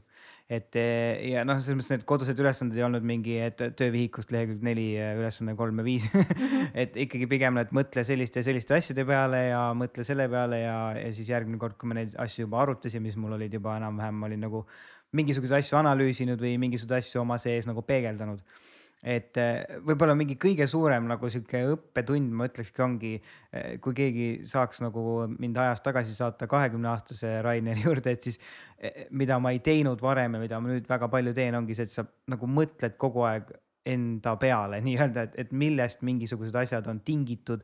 noh, see ongi see nõme sõna, mulle üldse ei meeldi peegeldamine, aga ühesõnaga, et sa ma nagu joostes ka kogu aeg mõtlen, et miks näiteks üleeile sihuke eriti halb olukord nagu tekkis üldse nagu. või nagu miks, miks me nagu, miks ma seal nagu sihukest asja üldse ütlesin või miks tema nagu, millest tema ütles, millest tema nagu selline tuju äh, oli sõlt-, noh, nagu ühesõnaga seotud ja ühesõnaga, et see kõik kuidagi on sihuke pidev enda nagu analüüsimine lõppkokkuvõttes ja see on asi, mida ma varem ei ole teinud ja mida ma nüüd väga palju teen ja mille tänu millele ma olen nii palju rahulikum ja kuidagi see võtab nii palju seda stressi ja nagu kõike maha kas sa oled mingil hetkel äh, tabanud ennast ka üleanalüüsimast? kindlasti sada prossa, et, et mingit teed asja siis?, mingite asjade üle võib-olla ei peagi nii palju mõtlema, et noh, miks ta ei like inud seda pilti. see tundub olevat sul hingel, kas sa tahad rääkida ei, see on lihtsalt sellest? siuke hea teema. kas see oli mina, kes su pilti? millega kõik nagu hästi lihtsalt relate ivad, et, et, et, et ühesõnaga jah, et mingeid asju võib-olla ei ole vaja nii palju analüüsida, aga selles mõttes nagu lõppkokkuvõttes ma ei näe nagu mingit väga hullu äh, nagu halba sellest, kui sa mingeid asju analüüsid, et, et võib-olla lihtsalt ei tasu mingit kohe mingisugustesse esimestesse järeldustesse sisse hüpata. et igasugune mõttetegevus ju, noh, aju on ju ka muskel ja kui sa nagu kogu aeg oled selle Netflixi taga ja üldse aju ei liiguta ja lihtsalt vaatad seda, mis sulle ette antakse, siis su muskel lihtsalt kärbub ära. et siis tasub lihtsalt mõelda igasuguseid asju ja siis äh, tunnedki, kuidas aju läheb pingule. aga samas see pidev analüüsimine ja võib-olla teinekord üleanalüüsimine võib viia ka kinnisideedeni või sihukeste kinnismustrite arusaamadeni, kas seega, kas see on sihuke koht, mis on natukene ohtlik võib-olla? ja ei tohiks nagu sattuda sinna auku. Mm, nojah, eks igasugused siuksed ekstreemsused või selles mõttes ühe, ühte äärmusesse kaldumine on ju äh, selline seal skaala ühes otsas olek, et see ei mõju väga hästi, kui me seal liiga kaua oleme. et just selline mm, osata ka vahepealselt võib-olla välja tulla ja võib-olla ongi, et kui ma teangi, et, et ma olen selline inimene, kes kipub asju võib-olla üle analüüsima või mõtlema väga palju, noh, et siis ma võib-olla äh, teadlikult leian endale neid tegevusi, mille käigus äh, ma ei saa seda teha, on ju, et kus ma olen nii-öelda sukeldunud üleni mingisse teise tegevusse, mis on ka kusjuures vaimse tervise hoidmise seisukohalt väga eh, hea tegevus, et olgu see siis, ma ei tea, võib-olla mõni inimene joostes just ei mõtlegi, vaid pigem ainult jookseb, teine inimene, ma ei tea, tantsib selleks, kolmas joonistab, neljas kuulab muusikat või kirjutab muusikat. et meil kõigil võiks olla elus nagu selliseid tegevusi, mis aitavad natuke nagu oma mõtetest nii-öelda välja tulla või natuke puhata ja, ja vahel võib-olla veel üks eh, nipp, et mida teha, et kui ongi niisugune tunne, et ma kogu aeg ketran neid samu mõtteid, et siis hästi lihtne asi, mida teha, on kuidagi vahetada oma asukohta, minna kas õue, minna teise tuppa, teha vahepeal midagi muud, et nagu mitte jääda sinna näiteks diivanile istuma ja mõtlema selle asja peale, vaid natuke pakkuda endale siis mingit nagu vaheldust või, või korraks midagi teistmoodi teha. et, et jällegi, et, et see annab nagu korraks võimaluse puhata ja võib-olla ma, ma ei tea, õue eh, jalutama minnes järsku ma näen seda asja hoopis teisest küljest, on ju ja see on alati niimoodi nagu sada protsenti olukordadest on, kui sa lähed õue, siis asjad nagu kuidagi tuleb hoopis mingisugune teine külg asjale, et, et mul on põhimõtteliselt kõik äh, nii-öelda creative plokid, mida ma olen elus kogenud, kõik on nagu muutunud õue astumisega mis on väga hea asi, mida mina kogu aeg kasutan täpselt samamoodi õueastumine, aga nüüd, kui ma olen kaks nädalat isolatsioonis, mis on need nipid, mida teha nagu? et sa, sa ei saa välja minna jooksma, sa ei saa mitte midagi teha, sa peadki olema nelja seina vahel.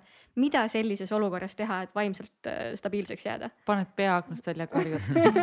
karjuta oi. väga hea, mis te teinud olete? meil no,, meil vist kõigil on mingi kogemus nüüd olemas, et äh, Äh, mina tegin esimese lockdown'i, mina tegin tõesti, ma tegin väga palju trenni.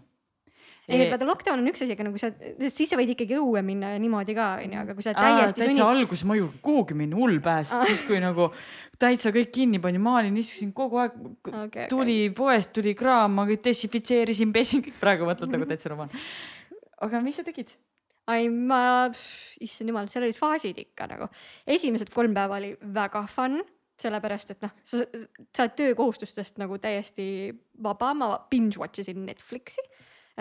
Siis hakkas tekkima juba kerge ärevus, et ma ei saa trenni teha, ma ei saa liikuda, ma ei saa mitte midagi teha, kõik ütlevad, et nüüd see haigus läheb veel hullemaks, mingi hetk sa, ma ei tea, sured ära enam-vähem, onju. pead hingamisaparaadi saama, sõbranna küsis, kas ma toon sulle inhalaatori, ma nagu, mul ei ole köha isegi veel. aga siis hakkas juba sihuke stressifaas tekkima, siis ma proovisin lahendusi leida, siis ma hakkasin raamatuid lugema, podcast'e kuulama, mingeid proovima ennast harida, siis kuskil seitsmenda päeva pealt tuli nihuke nagu okei okay,, midagi on pahasti, siis ma hakkasin küsima igaks juhuks psühholoogide kontakte, siis ma sain aru, et sinna ligi ei pääse, siis ma hakkasin mõtlema, okei okay,, guugeldame, nii, mis mul viga on. ma ei tea, mis mul viga on et siis üritad nagu guugeldada midagi välja endale, aga samas ma ei saagi aru, mis mul viga on, ma saan aru lihtsalt, et mul on ärevus, mis tuleneb tõenäoliselt sellest, et ma olen pandud nelja seina vahele kinni. mul on äh, ülekoormus omaenda mõtetes, sest ma olen on ju kakskümmend neli seitse ainult iseendaga. et aga mida siis teha, mis oleks õige olnud, mul küll tundub, et ma sain sellest edukalt läbi aga kas on mingi valem, mida rakendada? Mm, jah, ma arvan, et see, mis sa kirjeldad ju tegelikult äh, oligi mingil määral see valem, on ju. et ma arvan, et sellises olukorras, eriti kui me satume sellises noh, teatud periood, ütleme, et sa tead, on ju, et noh, tõenäoliselt saab läbi mingil hetkel. loodetavasti jah, et ikkagi säilitada ka mm, sellist enesesõbralikkust ja aru saada, et see nüüd ongi päris raske olukord tegelikult ja ma ei teagi, kuidas siin hästi kohaneda, sest ma ei ole selles olukorras varem olnud. ja siis sa hakkadki niimoodi samm-sammult avastama ja, ja võib-olla just ka säilitada sellist äh, aktsepteerimist, et mul ongi võib-olla kehvemad päevad, mul on mingid paremad päevad, vahepeal mul tuleb ideid, mida teha. võib-olla praegu see Netflix aitab, aga võib-olla homme ma ei taha seda nähagi.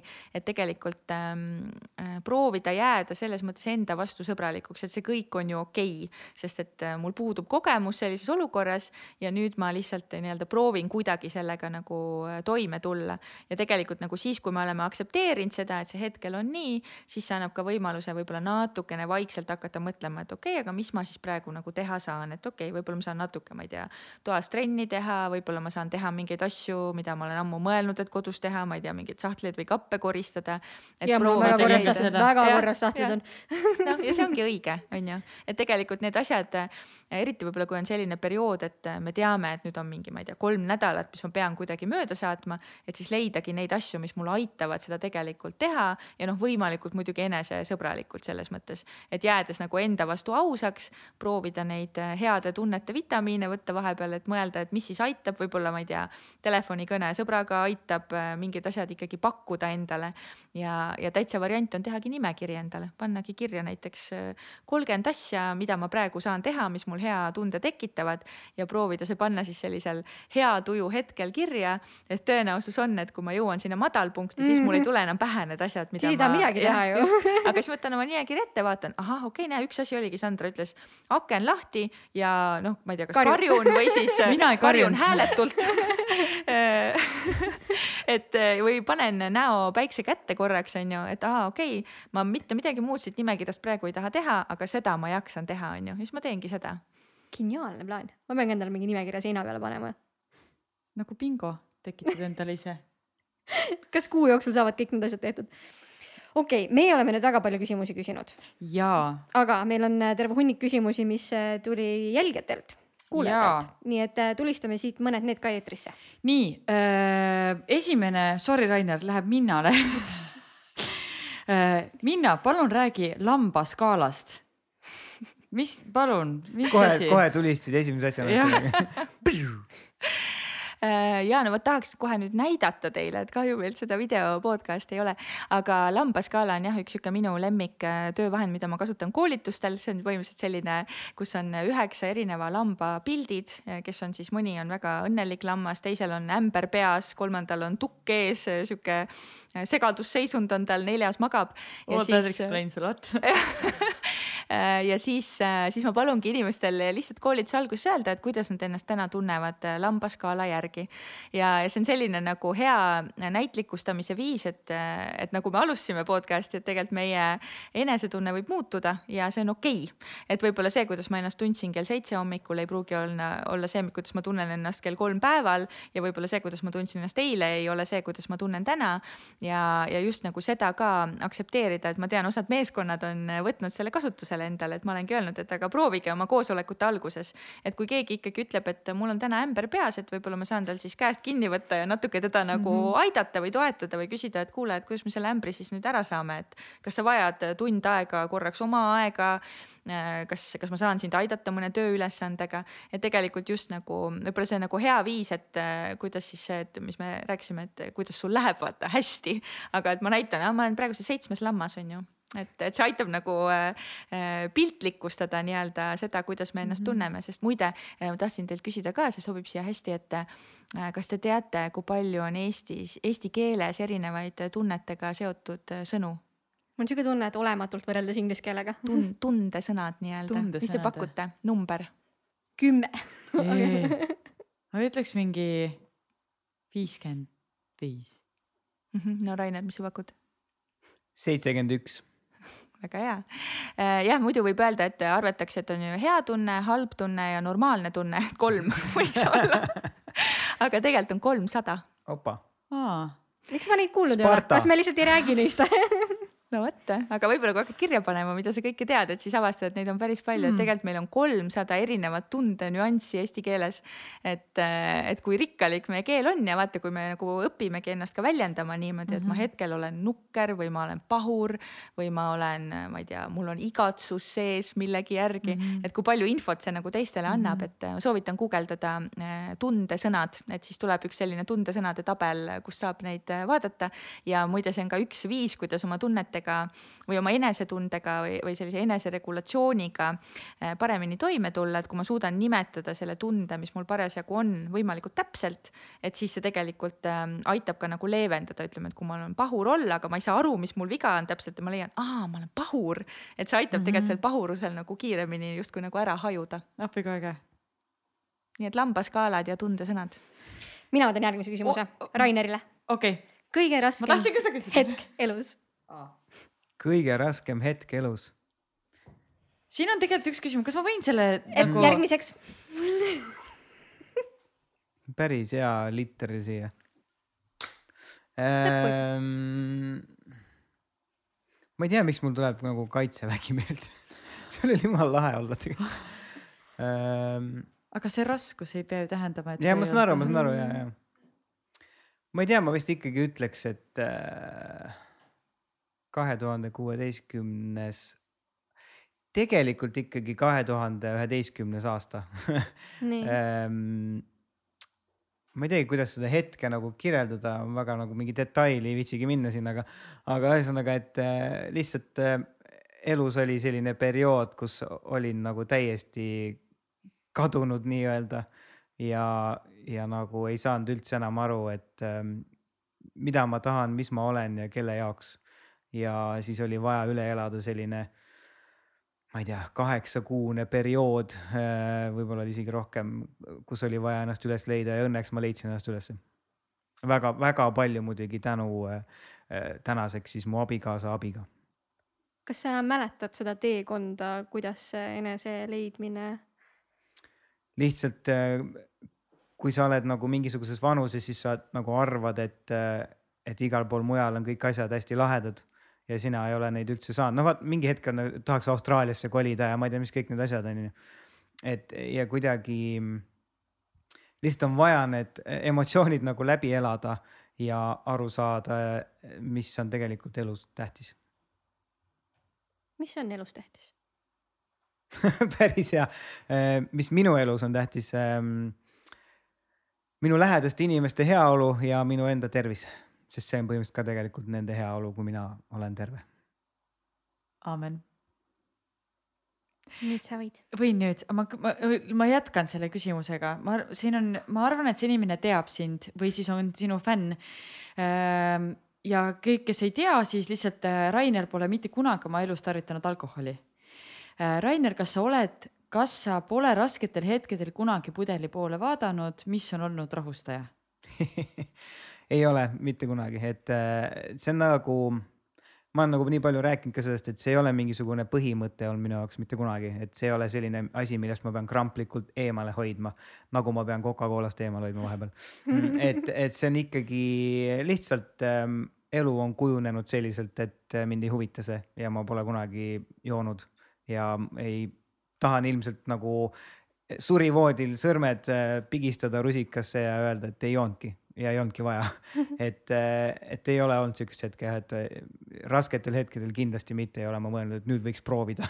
Et, et pigem ikkagi rasketel hetkedel ma tunnen äh, eneseväljendus on see, mis on mind aidanud, erinev siis, kas selleks on sõnade kirjutamine, kas selleks on joonistamine, kas selleks on pildistamine, mis iganes, et, et kuidagi selline äh, kogu aeg pidev, pidev mingisugune pulbitsev asi on sees, mis mingitel hetkedel on vaja nagu ventiil on vaja nagu lahti keerata ja siis välja lasta see, et, et, et ma nagu tunnen, et, et miks ma võib-olla viimastel aastatel olen vähem muusikat pidanud kirjutama, on see, et ma kogu aeg ventileerin ennast sotsiaalmeedias et, et, et ma ei tea, kas see on hea või halb, võib-olla tegelikult isegi halb, sest et ma kirjutan needsamad mõtted nagu postitustesse, mida ma tegelikult oleksin võib-olla kaks kuud hiljem mingisugusesse loo sisse pannud, mingisuguse loo sisse pannud. sa võid seda teha põhimõtteliselt küll jah, aga jah, ma kuidagi, ma tunnen, et mul ei ole sellist nagu kramplikku vajadust äh, lugusid nii hullult kirjutada, sellepärast et ma olen juba ventileerinud ennast muudel eneseväljendusplatvormidel äh,. see oli väga hea küsimus, see teine pool just eriti, et Minna, mis sul rahustajad on nii-öelda? Äh, ma arvan, et need asjad tegelikult natuke muutuvad aja jooksul, et ähm, aga kindlasti äh, Äh, minu jaoks on äh, sama muusika, et ma olen ka sellest aru saanud, kusjuures muusika on selles mõttes huvitav, et ta võib olla väga ka erutav, selles mõttes ta võib nagu täiega käima tõmmata ja ta võib ka olla rahustav, et, et just selline nagu teadlikkus selles osas, et millist muusikat ma nüüd vajan ja valin. et, äh, et on näiteks mingid lood, mis mind teevad alati kurvaks ja kui ma juba olen kurb ja ma näiteks tahan nutta, aga mul ei tule näiteks mõni päev on ju, siis ma võib-olla panengi selle kurva loo ja see aitab mind kuidagi välja välja elada. aga teine päev ma tunnen, et mul tegelikult ei ole seda kurbust nagu praegu juurde vaja, et siis ma panen pigem võib-olla midagi, mis aitab kuidagi nagu rahustada või just natuke nagu äh, paneb rohkem nagu elama.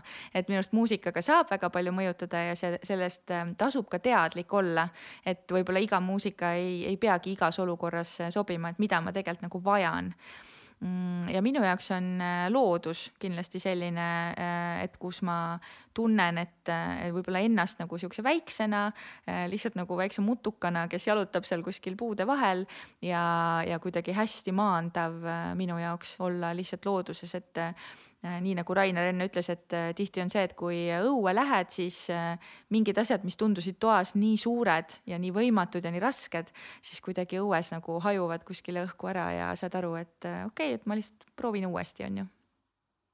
Päri, mis sul on?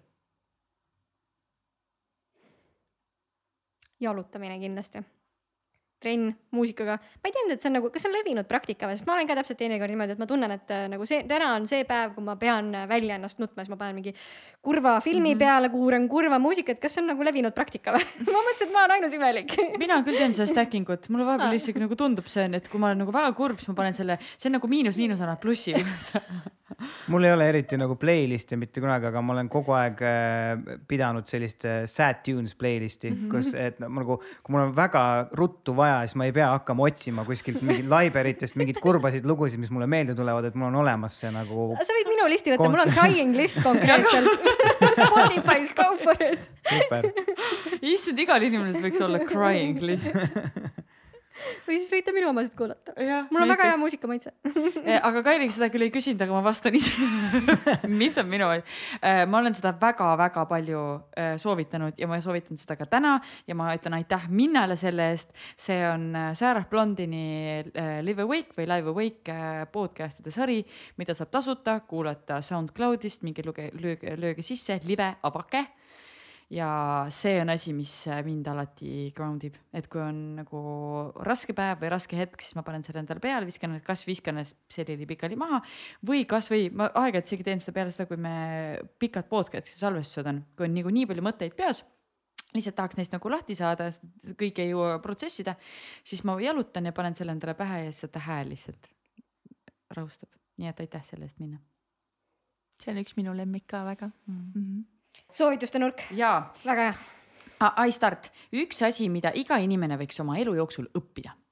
Äh, mina, mm, minu soovitus oleks õppida kuulama äh, teisi inimesi, tõesti kuulama, et sellist aktiivset äh, kuulamist ja mm, ma arvan, et selline suhtlemisoskus ja teiste kuulamine on see, mis ikkagi väga palju võiks aidata ka meie muresid lahendada, ükskõik mis mured nad on meil ühiskonna tasandil, et kas nad on äh, kellegi sõbra, võib-olla vaimse tervise mure, äh, võib-olla see on, ma ei tea, meil on siin igasuguseid vastandumisi hetkel ühiskonnas, et lihtsalt nagu õppida kuulama, sest tegelikult õppides teisi kuulama, me õpime ka iseennast paremini kuulama ja tundma ma tahtsingi lisada siia, et ma lisaks, et ennast ka kuulama, et et nüüd päriselt ka, kui ma saaks praegu minna ja öelda nagu üheksateist või kaheksateist aastasele endale nagu, et no hakka nagu ennast jälgima, kuula ennast ja kõik see mingisugune igasugune segadus, mis sul siin tuleb või tulemas on, et see, see jääb nagu olemata, kui sa suudad ennast nagu jälgida, et ma lihtsalt jah jätkaks sellele, et lisaks teiste kuulamisele, siis teise sammuna kuula ka ennast.